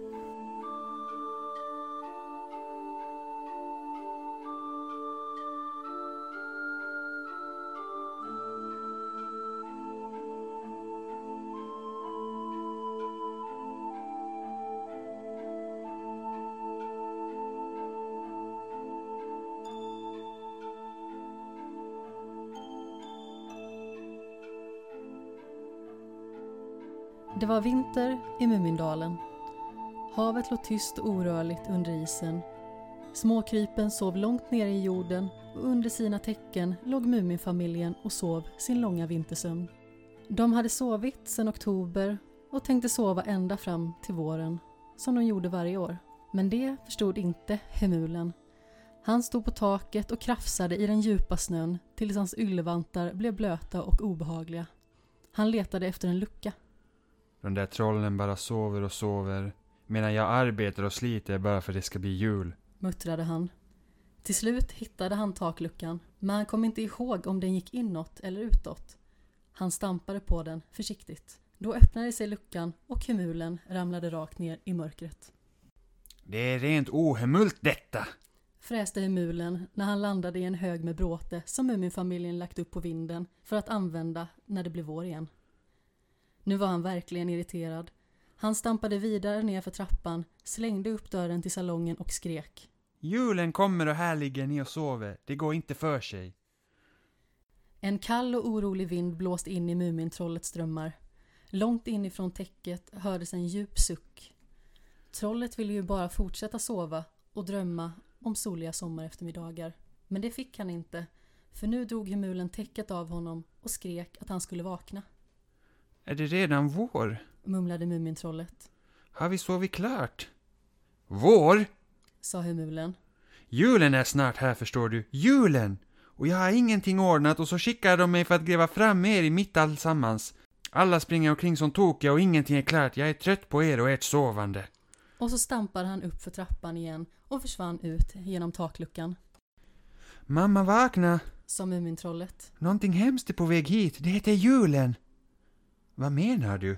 Sa mamman yrvaket och stack fram nosen ur täcket. Jag vet inte riktigt. Sa Mumintrollet. Men Hemulen säger att ingenting är klart och att alla springer omkring som tokiga. Man måste nog vara väl förberedd. Sen väckte han snorkfröken och viskade. Bli inte rädd, men någonting förfärligt är på väg hit. Lugn. Sa Muminpappan. Nu undersöker vi saken. De följde Hemulens våta spår upp på vinden och klev ut på Muminhusets tak. Vad var nu detta? Hela Mumindalen var full av våt bomull. Den låg över bergen och träden och floden och hela huset. Och det var kallt. Är detta julen? Frågade Muminpappan förvånat. Han tog tassen full av bomull och tittade. Jag undrar om det har växt upp ur marken eller ramlat ner från himlen. Och allt kom på en gång måste det ha gjort ont. Sa han. Men pappa, det är ju snö. Den kommer från himlen men bara lite i taget. Sa Mumintrollet. En av familjens bekanta åkte förbi med en gran och fick syn på trollen på taket. Jaså, har ni äntligen vaknat? Skynda er att skaffa en gran innan det blir mörkt. Ropade hon. En gran, varför då? Sa Muminpappan. Men hon hann inte stanna och prata mer. Hon sa att vi måste skaffa en gran innan det blir mörkt. Viskade Snorkfröken. Det betyder att det farliga kommer ikväll. Tydligen behöver man en gran för att klara sig. Sa Muminpappan. Då skaffar vi en. Ta på er halsdukar och vantar när ni går efter den där granen så försöker jag tända eld i kakelugnen under tiden. Sa Muminmamman som inte ville att någon levande varelse skulle frysa. Små knytt till exempel. Ett ynkligt sånt satt och darrade under verandan. Hon bjöd genast in det på en kopp varmt te. De gick in i skogen för att hugga en gran. Men vilken skulle de välja? Kanske var det så att julen måste ha en viss sorts gran? Tror ni att det är meningen att vi ska gömma oss i granen? Undrade Mumintrollet. Det vet jag inte. Sa Muminpappan. Jag förstår ingenting av det här. I så fall är det bra att granen är så stor så att vi alla får plats. Sa Snorkfröken. Vi tar den här. Sa Muminpappan och satte yxan i närmsta gran som inte var särskilt stor. Han ville inte leta mer. Snön var djup och hans tassar var kalla. Vi får väl tränga ihop oss om det skulle behövas. Sa pappan och högg ner granen. De bar hem granen och planterade den i snön. Jaha, här är granen. Sa Mumintrollets pappa. Bara vi visste vad den skulle användas till. Vad den är vacker. Utbrast knyttet som smugit med Muminmamman ut. Det rodnade för att det hade vågat säga någonting. Vad ska man ha granen till? Frågade Muminpappan. Ni måste klä den. Viskade knyttet. Klä på den. Så stora kläder har inte vi. Sa Muminmamman. Inte med kläder, med vackra saker. De finaste man har, det har jag hört. Sen slog knyttet tassarna för ansiktet och sprang och gömde sig bakom Muminmamman. Muminpappan funderade på vad knyttet sagt. Jag tror jag börjar förstå. Om granen ska göras vacker kan det inte vara meningen att vi ska gömma oss i den, utan beveka det farliga istället. De började klä på granen med vackra saker. Snäckor, pärlor och kristaller. I toppen satte de en röd sidenros som Muminmamman fått av pappan. De gav granen allt fint de kunde tänka sig för att vädja till vinterns obegripliga makter. Nu blir kanske julen mindre hemsk. Sa Mumintrollet. När granen var färdig kom något rött farande. Det var Filifjonkan som hade bråttom bråttom. Titta på vår gran! Ropade Mumintrollet. Hur så den ser ut! Men ni har alltid varit lite underliga. Nu ska jag iväg, måste laga mat till julen. Ropade Filifjonkan. Mat till julen? Sa Mumintrollet. Äter den också? Ordning och reda, man klarar sig inte utan julmat. Sa Filifjonkan otåligt och sparkade iväg nerför backen. Muminmamman skyndade genast in i köket och började gno omkring. Hon lagade filbunke och blåbärspaj och äggtoddy och allt möjligt annat som Muminfamiljen tyckte om. Tror ni julen är mycket hungrig? Undrade hon oroligt. Knappast mer än jag. Sa pappan och såg längtansfullt på all den goda maten. Skymningen hade kommit och nere i dalen började ljusen tändas i alla fönster.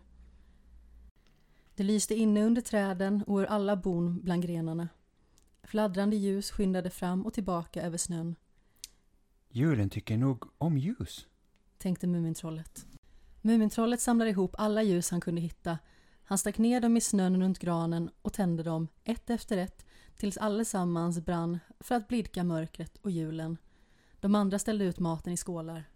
Det blev stilla i dalen, Alla har väl gått hem och sitter och väntar på det farliga som ska komma. tänkte Mumintrollet. Bara en ensam filur irrade omkring bland träden. Det var Hemulen. Hej, kommer den där julen snart? Frågade Mumintrollet. Stör mig inte. Sa Hemulen vresigt och stack nosen i en lång lista där nästan allt var överstruket. Han muttrade något om julklappar. Vad är det? Frågade Snorkfröken ängsligt. Har det hänt något? Presenter! Fler och fler för varje år. Hur ska jag hinna skaffa allt? Jag blir tokig av allt det här. Sa Hemulen och irrade vidare. Vänta! Ropade Mumintrollet. Förklara! Men Hemulen svarade inte. Han försvann i mörkret, lika stressad som alla andra över att julen var på väg. Muminfamiljen gick in i huset för att leta fram presenter. Pappan valde ut sitt finaste fiskespö. Han skrev till julen på en lapp och knöt fast på paketet. Snorkfröken drog av sig sin fotring, som var det finaste hon ägde. Hon suckade lite när hon slog in den i silkespapper. Mamman öppnade sin hemligaste låda och tog fram en bok med vackra bilder. Det var den enda boken med bilder i hela Mumindalen. Mumintrollets present var så hemlig och så fin att ingen fick se den. Inte ens när vintern var slut och våren hade kommit talade han om vad han hade gett bort. De la ut presenterna runt granen, sen satte de sig i snön och väntade på katastrofen. Tiden gick, men ingenting hände. Bara det lilla knyttet vågade sig fram igen. Det hade tagit med sig sina släktingar och vänner och de alla var lika små och grå och frusna och blyga. Glad jul! Viskade knyttet blygt, Du är verkligen den första som tycker att julen är glad. sa Muminpappan. Är du inte rädd för vad som ska hända när den kommer? Den är ju redan här. Mumlade knyttet. Får man titta? Ni har ju en sån underbart vacker gran. Och så mycket god mat! Sa en av knyttets släktingar. Och riktiga presenter! Sa en annan släkting. Jag har alltid drömt om detta. Sa knyttet och suckade. Knyttet och hans släktingar satt alldeles stilla. De hade aldrig varit med om en egen jul. Man kände hur de längtade. Det kändes starkare och starkare. Till slut flyttade sig Muminmamma lite närmare pappan och viskade något. Pappan funderade, så vände han sig till knyttet och sa. Varsågoda, det är ert alltsammans. Knytten kunde inte tro att det var sant. Skulle de få granen och presenterna och den underbara maten? Deras nosar darrade. Äntligen skulle de få fira jul på riktigt. Men Muminfamiljen tyckte det var bäst att gömma sig i huset. Julen kanske skulle bli arg på dem. För säkerhets skull gömde sig Muminfamiljen under salongsbordet. De satt där en lång stund och väntade. Inget hände. Småningom vågade de ta sig fram till fönstret. Där ute firade småknytten jul. De åt och drack och öppnade presenter.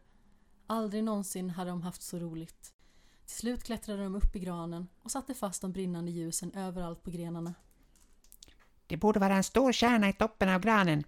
sa knyttets morbror, Oh, viskade Muminmamman. tydligen skulle vi ha skaffat en kärna också. Men hur skulle det gå till? Kärnorna är ju så långt borta. De tittade upp mot himlen som var större än någonting annat och mörk men full av lysande stjärnor, tusen gånger fler än om somrarna. Och då såg de, den största stjärnan av alla hängde rakt över deras gran, Nej, nu är jag lite sömnig. sa Mumintrollets mamma. Jag orkar inte fundera mer över allt det här ska betyda, men det verkar ju inte farligt. I alla fall är inte jag rädd för julen längre. Sa Mumintrollet och gäspade. Hemuren och Filifjonkan och de andra måste ha missuppfattat allt sammans på något vis. Och så kröp de alla ner i sina sängar igen för att sova vidare medan de väntade på våren.